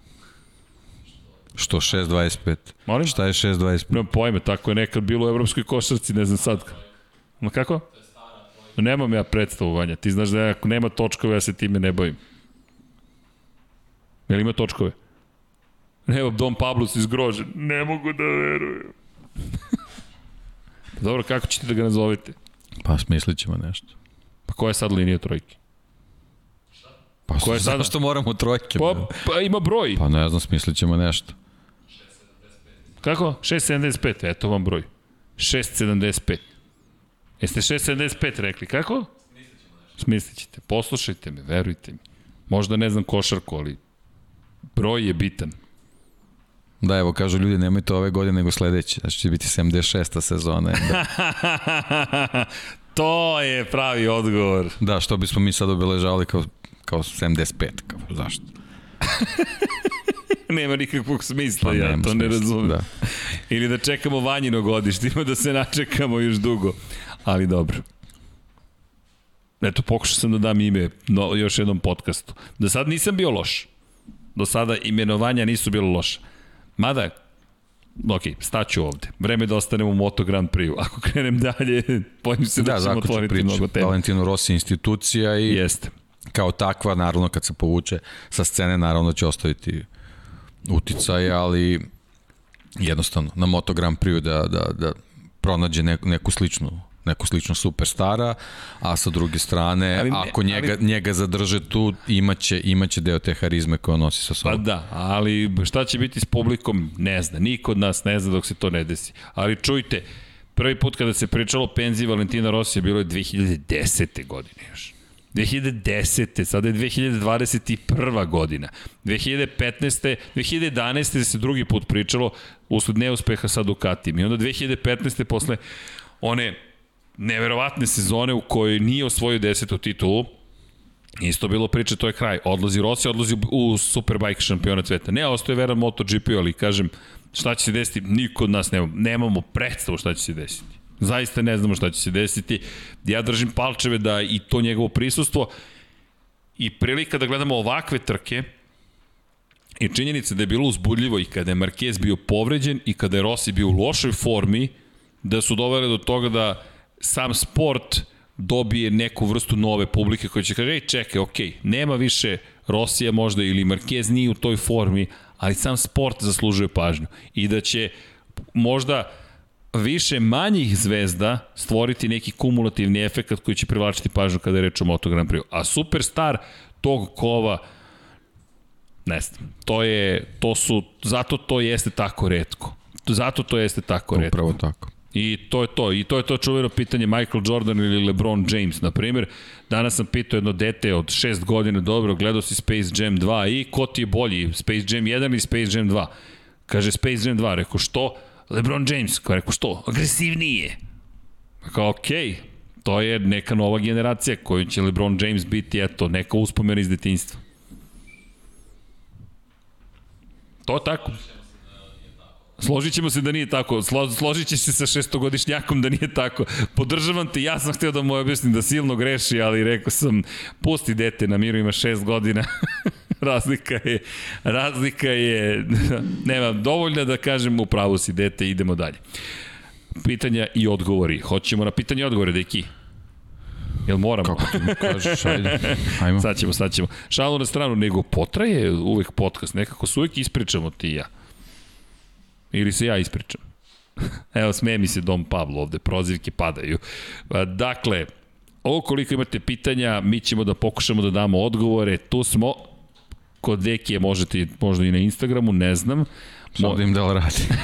da, da, da, da vidimo kakva je situacija. Što se mene tiče Instagram, ne, ne zamerite, ponovio sam par puta, ta kompleks, to ima mnogo, mnogo stvari koje pokušam da ispratim, pa nisam baš Čekaj, imam, imam jedan, jednu ozbiljnu kritiku, ali nastaviti da pričam, ja da rešim nešto. Kritiku ka meni? Da, ne, ne, ka meni. A, krit, kritiku, dobro. Šta si uradio Vejderu? Pa, ne primećujem razlog, ja da. Naopako si mu stavio, zato on čovjek ne vidi. ok, dok Deki popravlja Darta Vadera. Formula 1, Deki da prokomentariše. Prvo pa Formula 1. Izvrsno, sviđa mi se ovo skroz. Dobro, dok Deki popravlja, e, pitanje je Valtteri Bottas 77. da ti pomognem? Ne. On je imperator, šta ti? On je oprebio Darta Vadera. Pogledajte, metodični pristup popravkama Darta Vadera. ok. Dakle, Formula 1, Deki da prokomentariše. Evo, sekund. Samo da popravi Vaderu naočar. E, Okay. Dakle, Formula 1, Deki, izvolite. Šta vas zanima? Kaže Deki da prokomentariše Formula 1 i pitanje je Valtteri Bottas 77. Pa šta reći? Da tako iskusan vozač napravi takvu grešku, to je stvarno ovaj, meni, meni ne znam, jednostavno nezamisliva greška, stvarno ogromna greška i, i ne može naravno tek tako da prođe, dobro videli smo kazna je tu za, za sledeću trku, tako? Jeste. Da li Ali, ti je adekvatna kazna? Uh, pa u principu da, u principu da, jer generalno uh, nije bilo kako bih rekao, uh, opisano je da se kazne ne daju tako što se razmišlja o posledicama nekim, nego jednostavno ta neka težina situacija, težina situacije da je ono, kad neko apsolutno promaši kočenje, to je onako baš početnička greška i, i način kako je to uradio već za njega, za njega kazna, mislim zaista ono, ono stvarno, stvarno je čudno.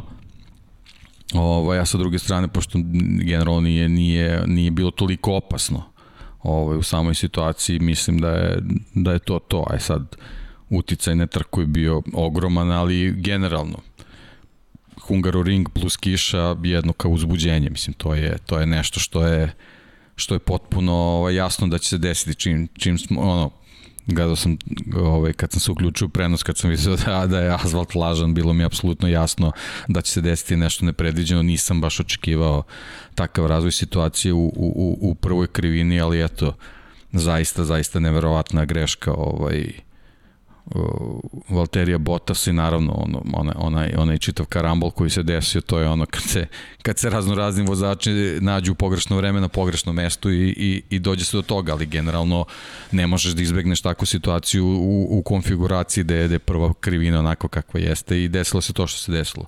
Da je bilo namerno, apsolutno mislim da nije. To je, to je neko moje, moje mišljenje i ono je stvarno pre svega ako mogu tako da kažem, velika sramota za Valterija Bottasa da, da, da na onakav način pod navodnicima reši, reši situaciju i, i, i borbu sa, sa s jedne strane Landon Norrisom, s druge strane tandemom Red Bulla, ono je baš, baš, baš bez veze.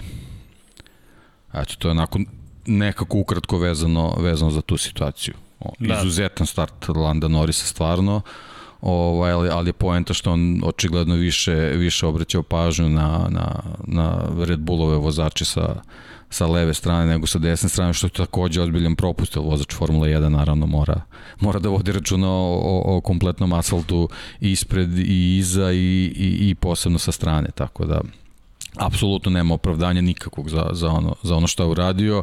Eventualno možda ona, ona bela linija sa izlaska, za, za izlazak iz, iz boksa koja je možda, možda poremetila ovaj, neke, neke tačke kočenja, ali jednostavno apsolutno ne I, i na kraju krajeva i, i Lando Norris je prolazio istim putem pa je sve uradio kako treba.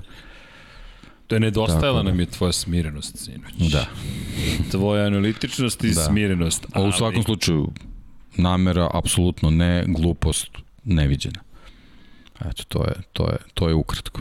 Da, to je dosta lepo sumirano, ali pogledaj, podcast Paja je imao drugačije mišljenje odnosu na mene ili ja sam imao drugačije mišljenje odnosu na Paju, povela se ozbiljna diskusija koja je potrajala, ali da, da ne otvaramo mnogo dalje tu celu priču, dao si tvoje mišljenje, pogledaj, molim te, možemo... Da, ne, ne, okej, okay. mislim, naravno, stvari za polemiku se ozbiljno rasplansavaju zato što su vozači Red Bulla bili u čitoj priči, ali da je da nisu oni bili sa, sa ovaj druge strane opet je katastrofalna situacija za Vetreli Bottasa vezana za, eto, za, za njegovo iskustvo ogromno i, i, i sve ostalo. Da, ne, to je već pitanje bilo da li je postojala namera i da li se kazne primenjuju ne, ne, na prema Pa vidi da je, da je, da je ispred njega bio vozač Red Bulla, možda bismo mogli nešto da, da, da pričamo na tu temu, s obzirom da je bio Lando Norris, ako je on u tom, toj milisekundi izračunao gde će ko otići, ko će koga pokupiti, onda mu svaka čast, ja bi ga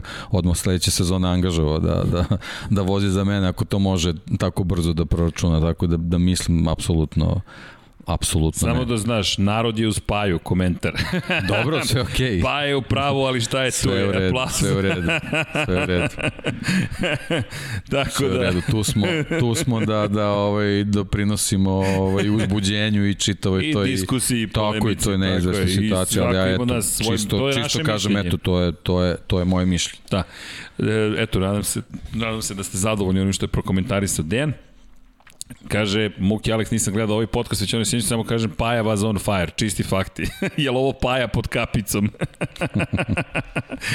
nije Paja, nije Paja Darth Vader, nemojte tako, ali pod kapicom.com pogledajte i vodi vas na neverovatne, zaista neverovatne intervjue koje Paja vodi kada je reč o Waterpolu i sprema se polako Paja, ima neka iznenađenja, čovek je čovek koji je rekao, aj pod kapicom.com, pogledajte pa ćete vidjeti. Vader u Tilisi, ne znamo. A inače, prvom prilikom pitaj Millera za, za Iron Maiden, kaže ludi naučnik. Dogovoreno, pitaćemo ga, ali bit ćemo u Lab 76 majici. Danas, još jednom da pročitam za one koji eventualno ne znaju šta se događa. Čestitamo na 200. F1 trci, hvala vam što nam sve ove godine sa velikom željom, znanjem, energijom prenosite trke što nam F1 činite zanimljivijom. Jer Čalić, Igor Knežević, Johnny F1, Adule 2A ili Adule za Nemanja Lazarević, ne znam, možda sam uh, pogrešno pročitao, ali čitam obe verzije. 3. 8. 2021. godine, ljudi ne, hvala vama. Ali hvala zaista svima vama koji nas podržavate na sve moguće načine, šta god, dovoljno da ste tu, nama znači i hvala i nadamo se da svi zajedno možemo da napravimo, to je ta priča o zajednici, da nam bude lepše, uzbudljivije, da budemo i pametniji, humaniji, bolji, kako god, da se lepše zabavimo, ali svakako volimo Formula 1 Moto Grand Prix udrite like, subscribe, sve te YouTube momente ispoštojimo svi zajedno, a zašto pa? Zato što YouTube je u mogućnosti da kaže udrite like da bih ja proverio koliko je video vredi promovisati dalje, tako da nam to znači. Što se tiče majica infinitylighthouse.com kroz shop, patreon.com kroz Infinity Lighthouse. E, hvala svima, baš puno ljudi, sve više ljudi na Patreonu, zaista nam to znači, pomažete nam da, da radimo sve ovo što radimo. Ovo sve što vidite, ne stoji ni jedna kompanija iz ovoga, mi smo izmislili kompaniju koja se zove Infinity Lighthouse i ovo je bukvalno, naše su knjige, police, ekipa iz Wish and Go, uh, muzički uređaji, stubovi, energija, vreme, rad, sve ovo je bukvalno kumulativno i vi. Toliko vaših stvari je ovde da je ovo potpuno neverovatno. Kačketi, majice, duksevi, kapice, Ja ne znam šta sve nismo dobili. Torte, kolači. Torte, kolači, zaista od srca hvala vam na tome. Ne, potpuno je neverovatno, ali ta vrsta energije... Energetska i ona druga pića. sve je tu. da, da, sve je tu. Da. Čekaj, zadržavamo ove rekvizite? Kako, kako sad ovo dalje funkcioniše? Imamo letnje rekvizite. Šta ćemo za zimu, deki?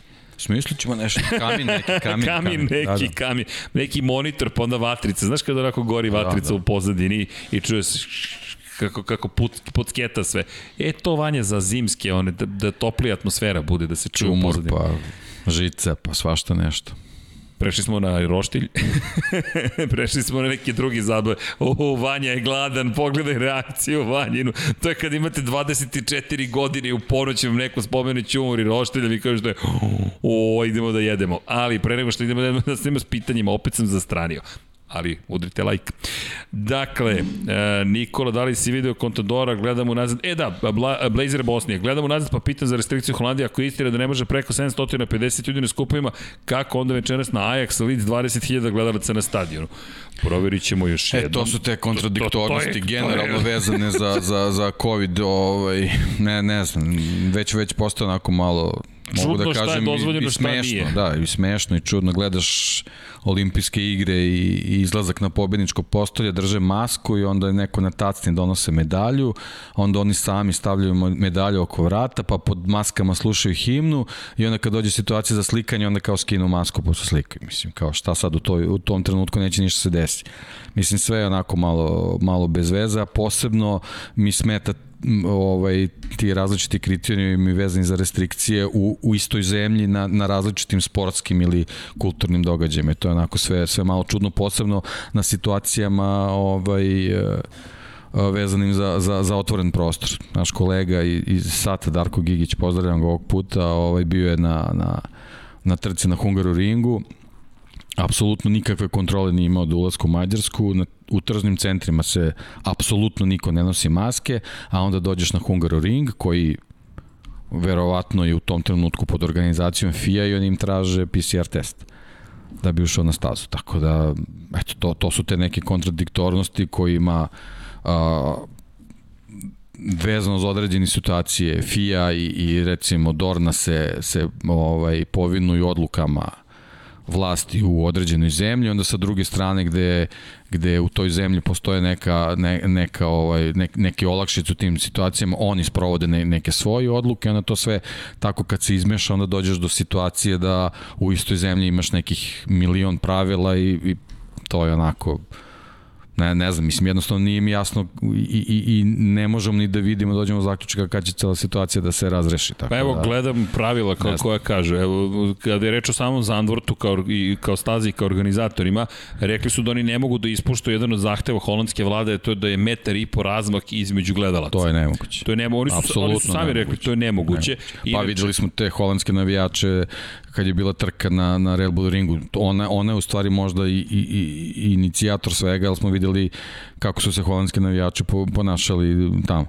E, Tako da, jednostavno, to je to. Zatim, ukoliko dođe do takozvanog access testinga, testiranja za samo ulaz, dve trećine kapaciteta samo sme da se iskoristi.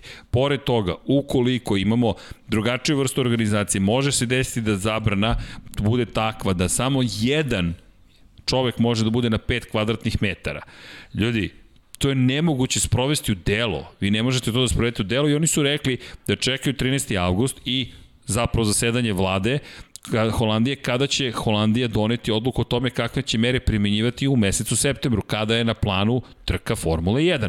Za sada organizatori za 3., 4. i 5. kada je planirana trka nastavljaju sa pripremama, najnormalnije, gde postoji par problema voz će biti glavno sre, prevozno sredstvo do staze i sa staze. Po jednom satu 10.000 ljudi može biti prebačeno voznim putem. Šta to znači? To znači da je nemoguće sprovesti u delo distanciranje od jednog i po metra. I zato se postoje veliko pitanje da li će biti trke Formula 1. Međutim, kako ne bi prejudicirali ono što će doneti vlada Republike, oprostite, Kraljevine Holandije, dakle, šta će se desiti kada je reč o tom 13. avgustu, oni nastavljaju ljudi sa pripremama najnormalnije. Deki lepo si rekao, da nije to pitanje restrikcije, to je pitanje šta radimo zapravo? Radimo je, i jedno je. i drugo, tako a onda je. pomalo i treće, a onda malo radimo i nešto četvrto. Standardi ne postoje, apsolutno. Apsolutno ne postoje. I, i ako postoji neki društvo, društvo je konvencija ljudskih bića koji su rekli poštovaćemo neki dogovor. Mi ga ne poštujemo ni na kom nivou. I sad nije to ni, ni pravdanje, to je, to, je, to je ono što vidimo svojim očima. Tako da ne znamo šta će biti. I ne znamo za ko...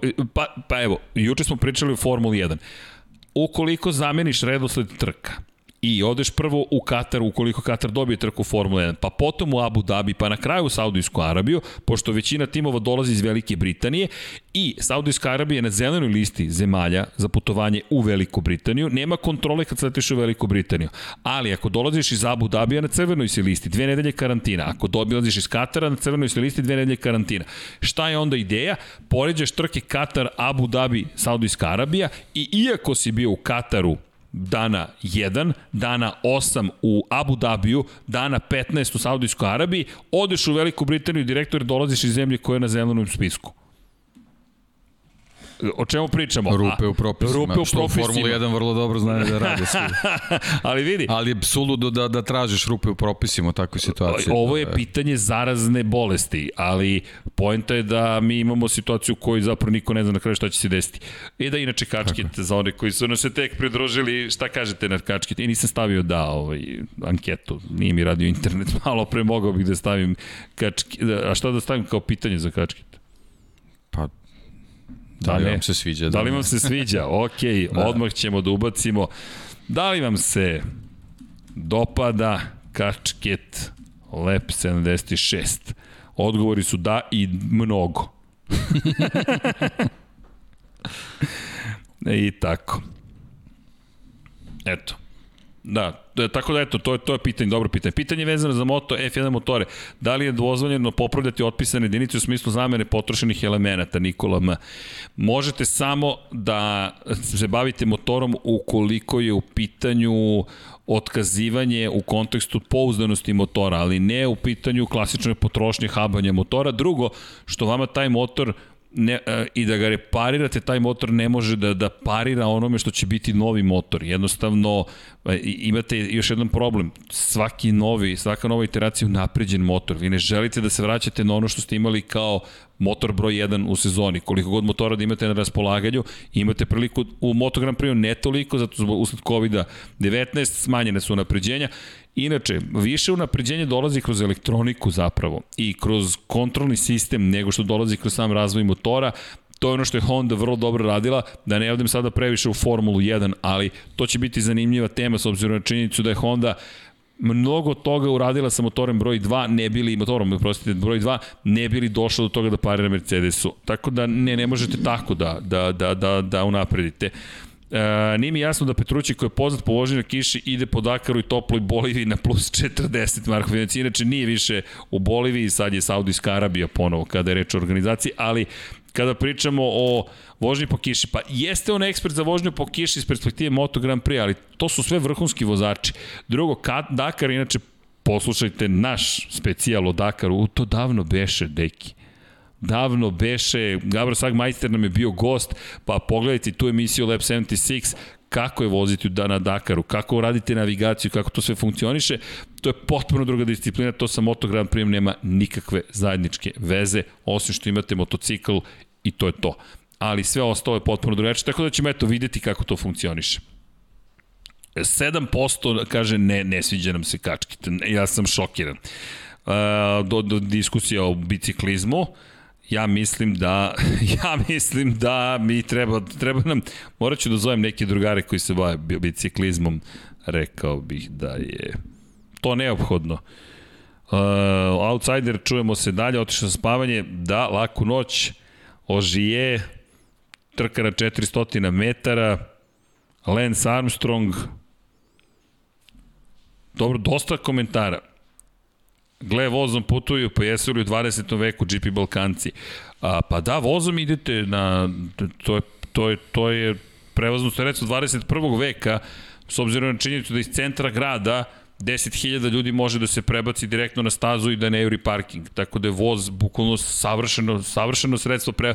Inače, ne znam, između kad smo sad, ne sad, sad više dobro, sa usled COVID-a nije više ni sad, od Hanovera do Hamburga se prebacite za sat i nešto, to je 200 km vozom idete. Intercity Express je savršen. Drugo, drugi je problem kako izgledaju vozovi možda u našoj zemlji, ali to sad da ne otvaram tu temu, prosto voz u Nemačkoj, na primjer, ili u Holandiji, apsolutno je savršen. Inače, kada, eto, kažem, Hanover, Hamburg je poslednje iskustvo sa Intercity Expressom, bukvalno uđete u ICE i gledate kako piše 200 km na čas, za tili čas. Bukvalno ste za tili čas tamo, nit kola, nit brige, nit putarira, ništa. Tako da to je, to je savršeno prevozno sredstvo u ovoj situaciji, ali da vidimo da li ima još nekih pitanja. E, Felipe Massa, odbojkaši... Imam ja ovde neku, neku seriju, splet pitanja. To. Deki Andrić, Pa možemo ovako redom, čisto da prođemo, da, pošto da. je vezano za Moto Grand Prix, pa, ali hvala Deki, u svakom slučaju super. Uh, Oliveira u velikoj formi, dve trke u Austriji se voze s pobedom i možda trećim mestom, a onda se vozi se i Portugal. Da li mislite da može se uključiti u trku za titulu? Oliveira. Oliveira? Da. Pa, opet, Red Bull Ring definiše stvari. Jer ako imamo 10 trka do kraja sezone, dve su u 7 dana, Ukoliko u te dve trke Oliveira bude na pobedničkom Tako. postolju, Quartararo izgubi poene odnosu na Oliviru, to otvara šansu. To zaista otvara šansu, ali Oliveira mora da, da ne, ne mora da pobedi, ali mora da, mora da pobedi Quartarara svakako i mora da bude pri vrhu da bi osvojio dovoljan broj poena. U ovom momentu Oliveira, samo da vidim tačno, za ostatak je 71 poen. To su skoro tri trke. Treba nadoknaditi tri pobede u 10 trka tu vam treba ipak malo sreće. Dakle, pobede bi morale zapravo, i moram da se ispravim, mora najmanje jednu pobedu zabeleži na Red Bull ringu. i da se nada da je Kvartararo, na primjer, treći u toj trci, da nadoknadi 9 poena, to je spuštanje na 62, I još jedna pobjeda da Kvartararo bude drugi. Pazite koja kombinacija stvari mora da se desi, da spusti na 57, 8 trka pre kraja, u slučaju da se zaista voze sve trke koje su planirane. Isti broj trka koji je planiran. Tako da šansa postoji, ali mislim da Red Bull Ring je kao sito. Iz tog sita ko ostane i zato i za Kvartarara verujem da je vrlo jasna situacija, jer Kvartararo kada dođemo u Mizano, a to je posle i Velike Britanije i Aragona, da tek tu može da računa na stazu kojom odgovara. Jer ako se vratimo na prošlu godinu, za Veliku Britaniju ne znamo kako će stanje biti. Veliku Britaniju nismo posetili prošle godine. Aragon mu je bio veoma loša trka. Red Bull Ring Imao je jedan dobar nastup, ali ne znamo, opet je pod znakom pitanja. Tako da zaista duboko verujem da su velika nagrada Štajerske, velika nagrada Austrije, te kritične trke i to ono što je Deki rekao, vrelo leto najzad počinje. Mi sada imamo dve ključne trke u šampionatu sveta, jer mi ćemo preći bukvalno u drugi deo sezone i ne samo to, Posle se to pitanje koje staze ćemo voziti, voziti i koliko će trka biti. Tako da, duboko verujem da koliko želi neko da ostane u igri za titulu šampiona ili da se uključi u titulu, u borbu za titulu šampiona sveta, to mora da uradi na ove dve, na ove dve trke, na istoj stazi. Još neko pitanje? Uh, imaš pitanje Uh, u stvari imamo pitanja prognoze vezane za pozicije Pedrosa i Kračlova na trci. Pozicije Pedrosa i Kračlova. Jao, Dani, ja mislim da će biti dobar, iskreno. Mislim da će biti među vodećih čak pet na kraju. Misliš da sam preambiciozan? Pa da, mislim da, da, da.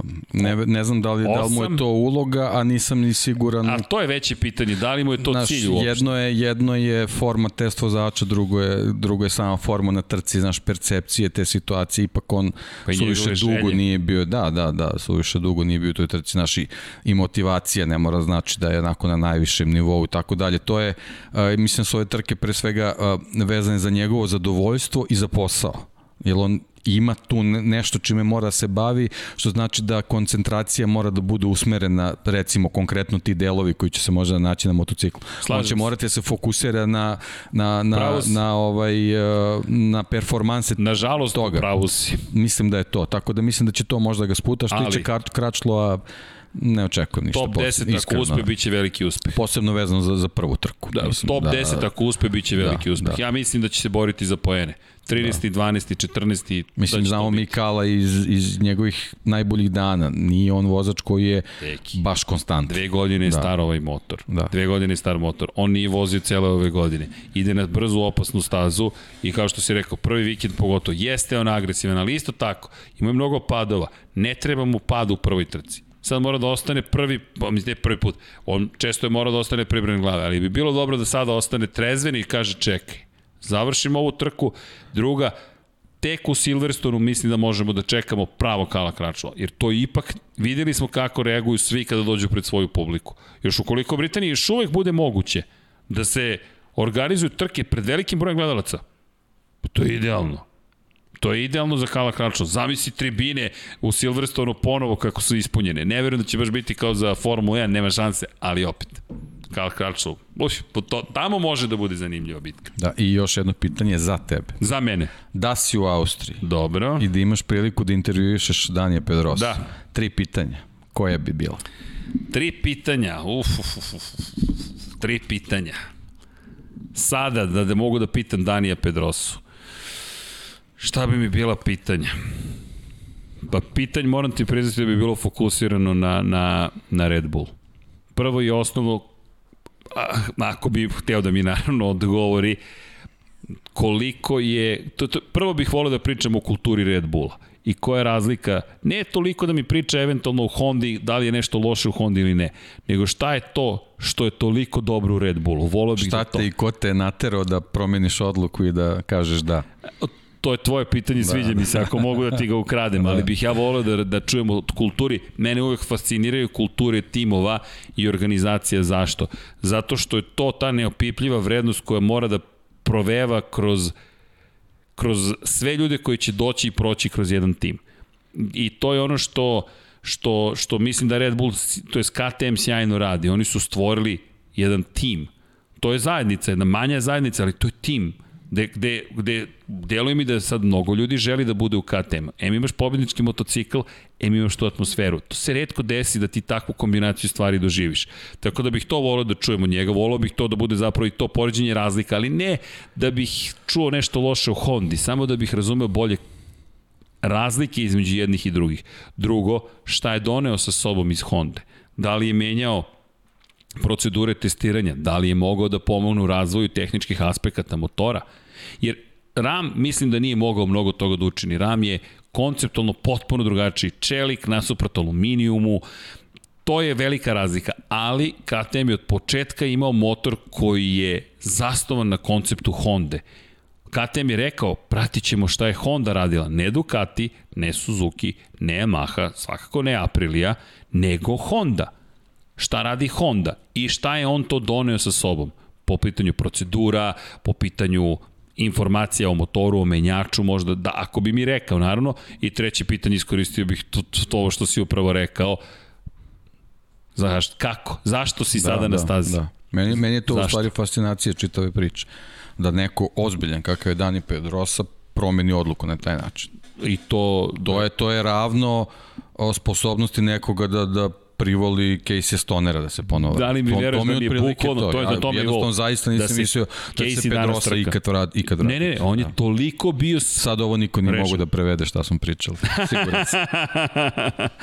Ali to je to, on je toliko rešen bio. Meni uvek pada na pamet David Demet, jedan od najozbiljnijih analitičara Moto Grand Prix-a, koji je toliko puta pričao sa Danijem Pedrosom i Dani Pedrosa je toliko puta rekao ja nikada više neću voziti trku Moto Grand Prix-a da je ovo frapantno što se desilo. Frapantno je, ali na pozitivan način. Nije ucenjen, nije primoran, nije u frci, nije u krizi, nije u drami. Ne, on želi da nastupi za KTM, to je utisak.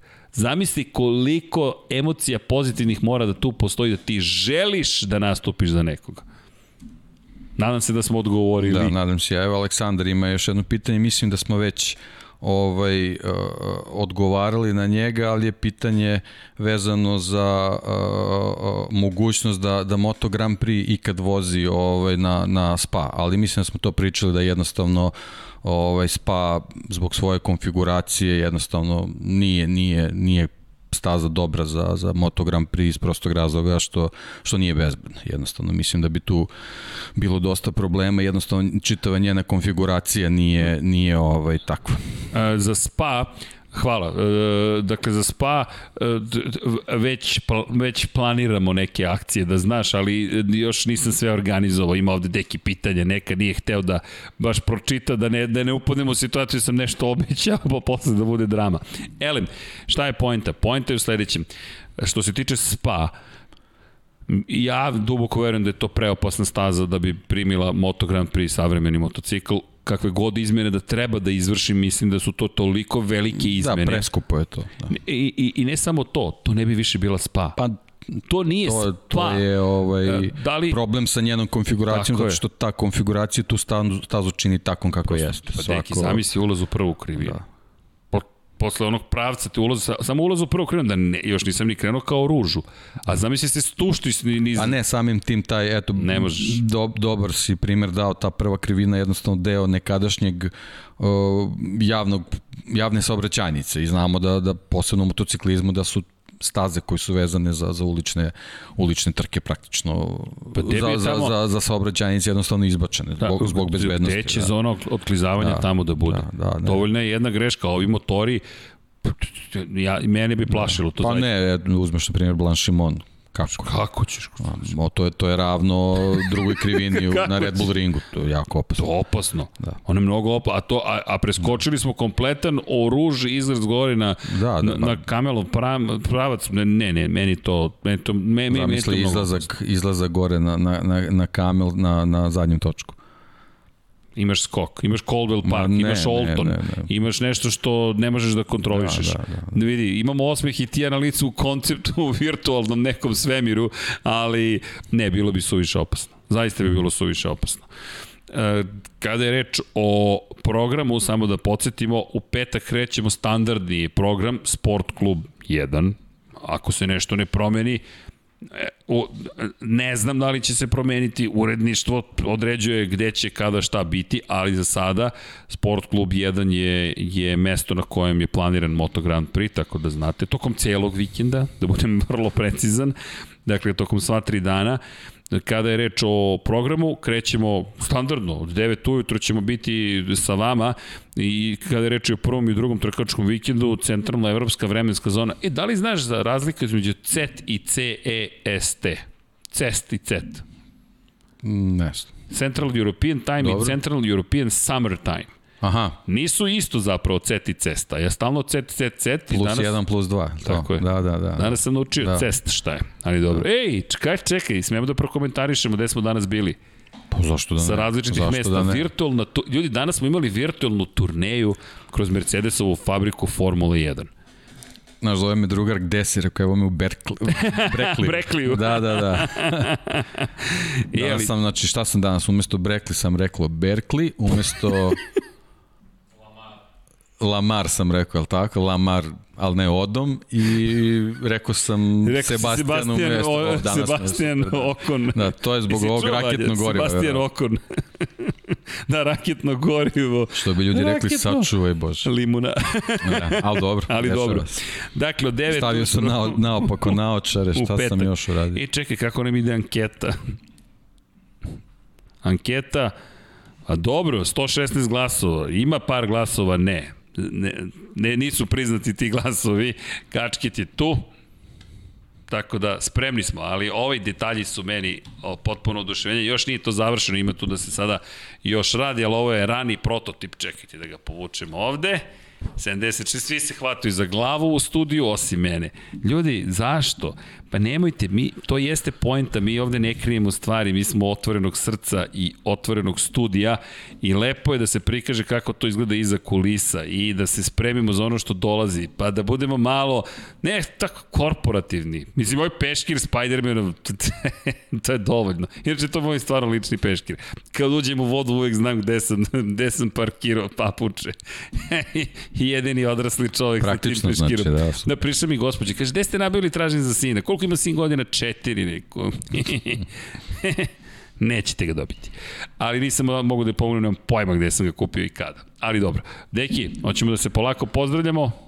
Pa možemo, imamo tu još par nekih pitanja. Ajmo. U stvari, ovo nije pitanje, više predlog. Da. Kaže, bilo bi uh, Nikola, Nikola Milić. Bilo bi jako zanimljivo kad biste pričali o Bilu Vukoviću, jedinom vozaču srpskog porekla e, koji da. je pobedio na trci Formula 1 tačni Indiju. Eto, to su neki Dobro, predlozi za, pišemo. za specijale, da. Da, hvala, za Nikola. emisije, da, hvala. Samo da vidim da li da nešto ne propustim, pošto umem to da uradim. Nemoguće. Samo da vidim, ima ovde još nešto. Aha, Lazar, izvini, izvini, samo pobežem. Ne, ne, samo ti deki samo polako. Samo sekund. A, koliko je važna letnja, važna letnja pauza za nadogradnju motocikla? Da li se dešavalo da neko posle pauze donese značajno bolju mašinu? Može li Suzuki recimo da dođe sa boljom pogonskom jedinicom uz whole shot koji je potvrđen? E pa, whole shot je, to whole je u stvari njihov je, problem. Da. da, whole shot može, ali motor ne može da se menja. Prosto... Evo, izvini, oni su najavili da razvijaju whole shot koji bi trebalo da se približi ostalim, pre svega zbog Jeste. sugestije vozača. Jeste, ali... Nisu planirali, to je, to je point. Nisu planirali to je ništa poenta, od ovoga. Da, da, da. da. E, za ovu sezonu ne možete. Inače, e, samo, samo jedna napomena. Generalno, Moto Grand Prix motori ne mogu da se napređuju tokom sezone. Dakle, kada zapečatite, ne kada, kada prijavite tehnički, imate tehničke propise, sportske propise, to bismo pričali uči kada je reč o Formula 1 kada vi prijavite tehničkoj komisiji koje su vaši planovi za izgradnju motora za tu sezonu. Jedine promene koje možete da izvršite je ukoliko to utiče na pouzdanost motocikla. Međutim, na performanse ne možete. Jednostavno ne možete to da učinite. To je jedan od problema s kojim se Suzuki, Suzuki suočio u periodu kada je Janone vozio prvu sezonu u Suzuki. Nisu napravili adekvatan motor na početku sezone. Onoga momenta kada su prijavili svoje planove, bez obzira na loše performanse, bio dovoljno pouzdan da nijedno napređenje pouzdanosti nije moglo da pomogne u performansama. Tako da ne menjate motor. Meni se to ne dopada, volio bih da imaju pravo jedne promene makar tokom sezone, ali cilj je smanjenje troškova i da dođete do toga da u, morate da se ozbiljno pripremite za sezonu. I dalje mi se ne dopada zato što su ljudski grešiti, ljudski napraviti okrenuti pogrešnim putem. Ali takva su pravila. Ove godine pride, vi imate dodatne restrikcije od COVID-19, tako da smo mi manje više na motorima koji su pravljeni za prošlu godinu. Imali su pravo unapređenja, ali sve što su učinili pre početka prve trke morali su da zaključaju kada je reč o razvoju motora. Tako da iz te perspektive nema jačeg motora za Suzuki. Prosto neće biti jačeg motora za Suzuki.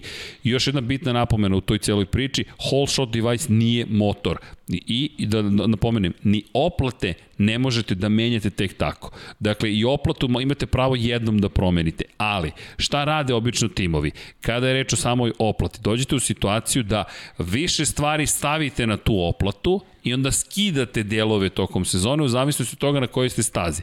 Tako da tako možete da menjate oplate. Što se tiče ramova, to je, to je drugačija situacija. Tu imate mnogo veću slobodu. Tu možete da radite, neću da kažem baš manje više šta hoćete, ali tu smo negde. Osim što ne želite da promenite ceo ram, pošto testiranje neophodno da znate da RAM funkcioniše su preozbiljna. Tu dolazi u igru Dani Pedrosa, koji odveze ne znam koliko kilometara. Inače, danas smo čuli fascinantan podatak.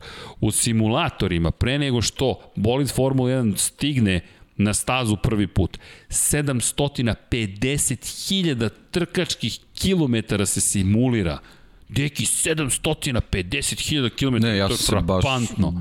Očekivao sam veliku cifru, ali... Ali, ali Deki, jedna trka traje 305 km jedna traje 305. Da, i otprilike, znači ako se ništa ne dešava, računaš sat i po otprilike. I ti u simulatoru vrtiš i kroz, kroz kompjutersku vožnju i kroz simuliranu vožnju sa probnim vozačima 750.000 km. Ja, ja, ja da. Dva puta sam slušao šta kaže čovjek 750.000. Da, da, pritom i on je ponovio, ja sam mislio, rekao neki lapsus, možda nisam dobro razumeo. Da. Kao, kao slušalice. 750, žao mi da. što to ne možemo da prikažemo da, šta smo da. čuli, to ali smo možemo da čuli da i čuli smo podatak da je za razvoj jednog bolida bolida Formula 1 potrebno Šta mislite koliko? Radnih časova. Radnih časova. Evo, evo, šta mislite koliko radnih časova da. je neophodno za razvoj? Hoćeš to da stavimo kao anketu?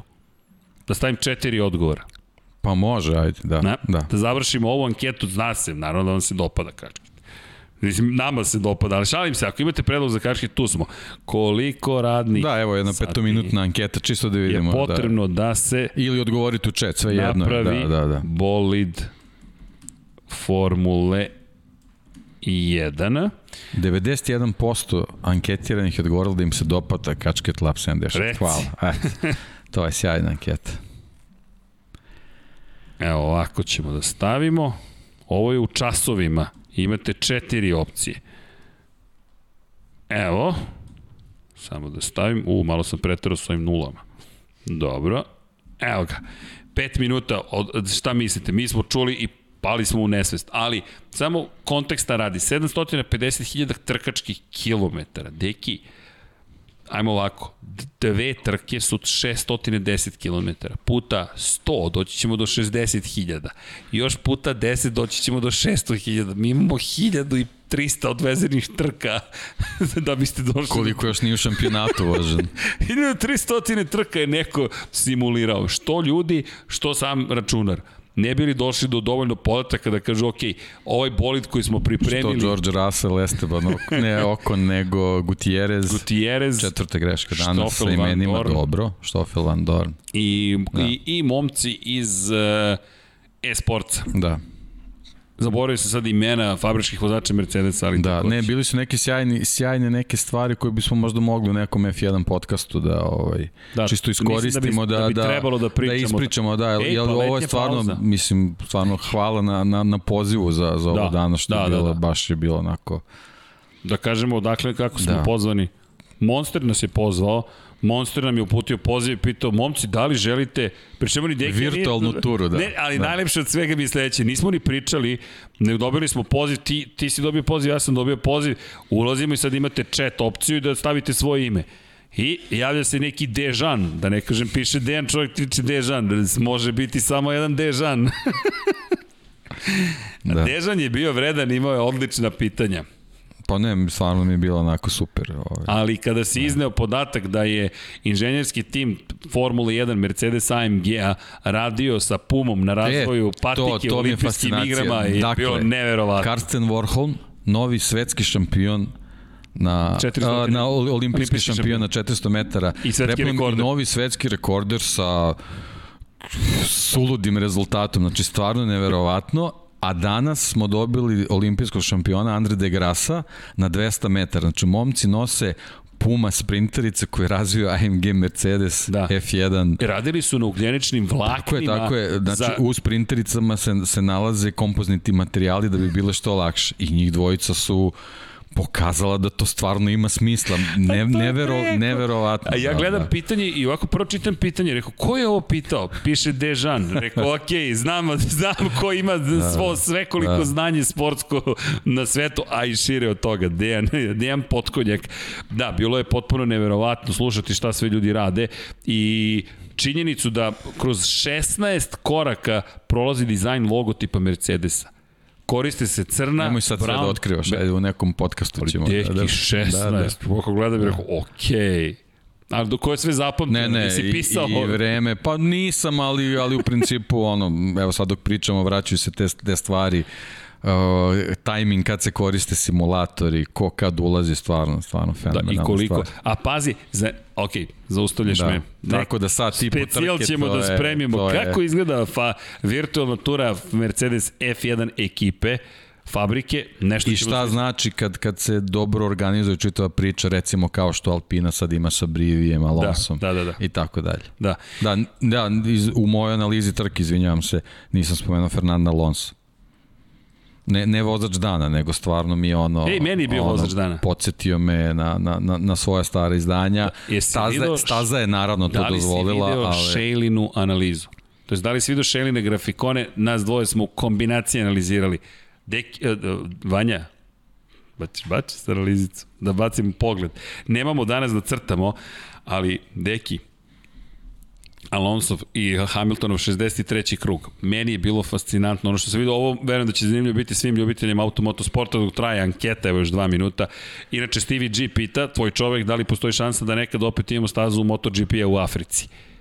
Pa teoretski postoji, je to ogroman zapravo projekat, to je, te neka država mora da stane iza toga. Pa da, i videli smo šta je problem sa Brnom, zato što to su sad već neki, neki drugi standardi i o, neke, neke stvari koje su vezane za, za moderne ovaj, Moto Grand Prix trke, jednostavno, na primjer, mi imamo u Južnoj Africi stazi, imamo Velkom, imamo Kialami, ali jednostavno ne, ne znamo u kakvom su stanju i kakve su tu stvari sve, sve preprake potrebne i da li su te zemlje spremne da, da, da ulože veliki novac da se, da se ponovo one dovedu u stanje da može da se organizuje Moto Grand Prix trka. Pritom moderne Grand Prix trke tamo nisu bile, tako da to je sad ovaj veliko pitanje da li, da li je neko, neko spreman da, da, e, da uloži Deki, novac za to. Pazi sad ovo, A, baci pogled na grafikon ako možeš da vidiš, samo da uzmem Miša. Čekaj Vanja, nemoj bacati Miša, molim te. Dobro. Uh, 63. krug. Hamilton 1.22 570, Alonso je bio brži, aha, 0.3 dobro, okej. Okay. E, nadam se da vidite Miša. Držim palčeve, ali vidi deki ovo ovde. Sektor 2.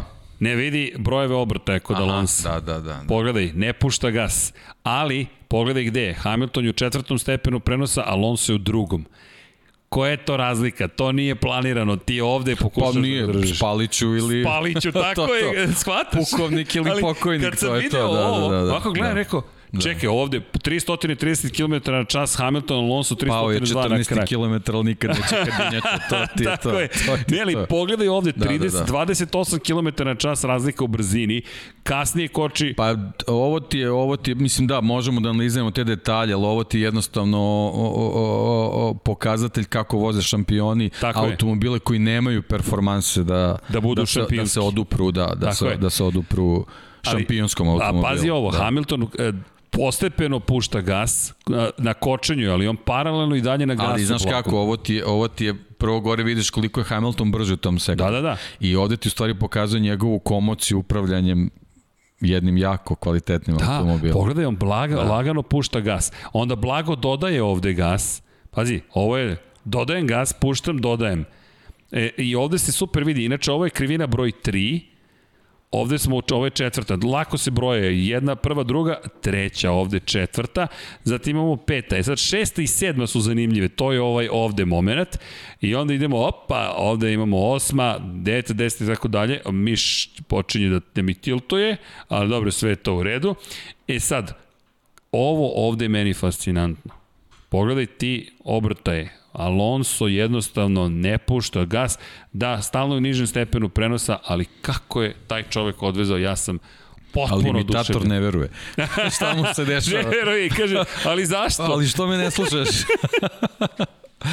da, da.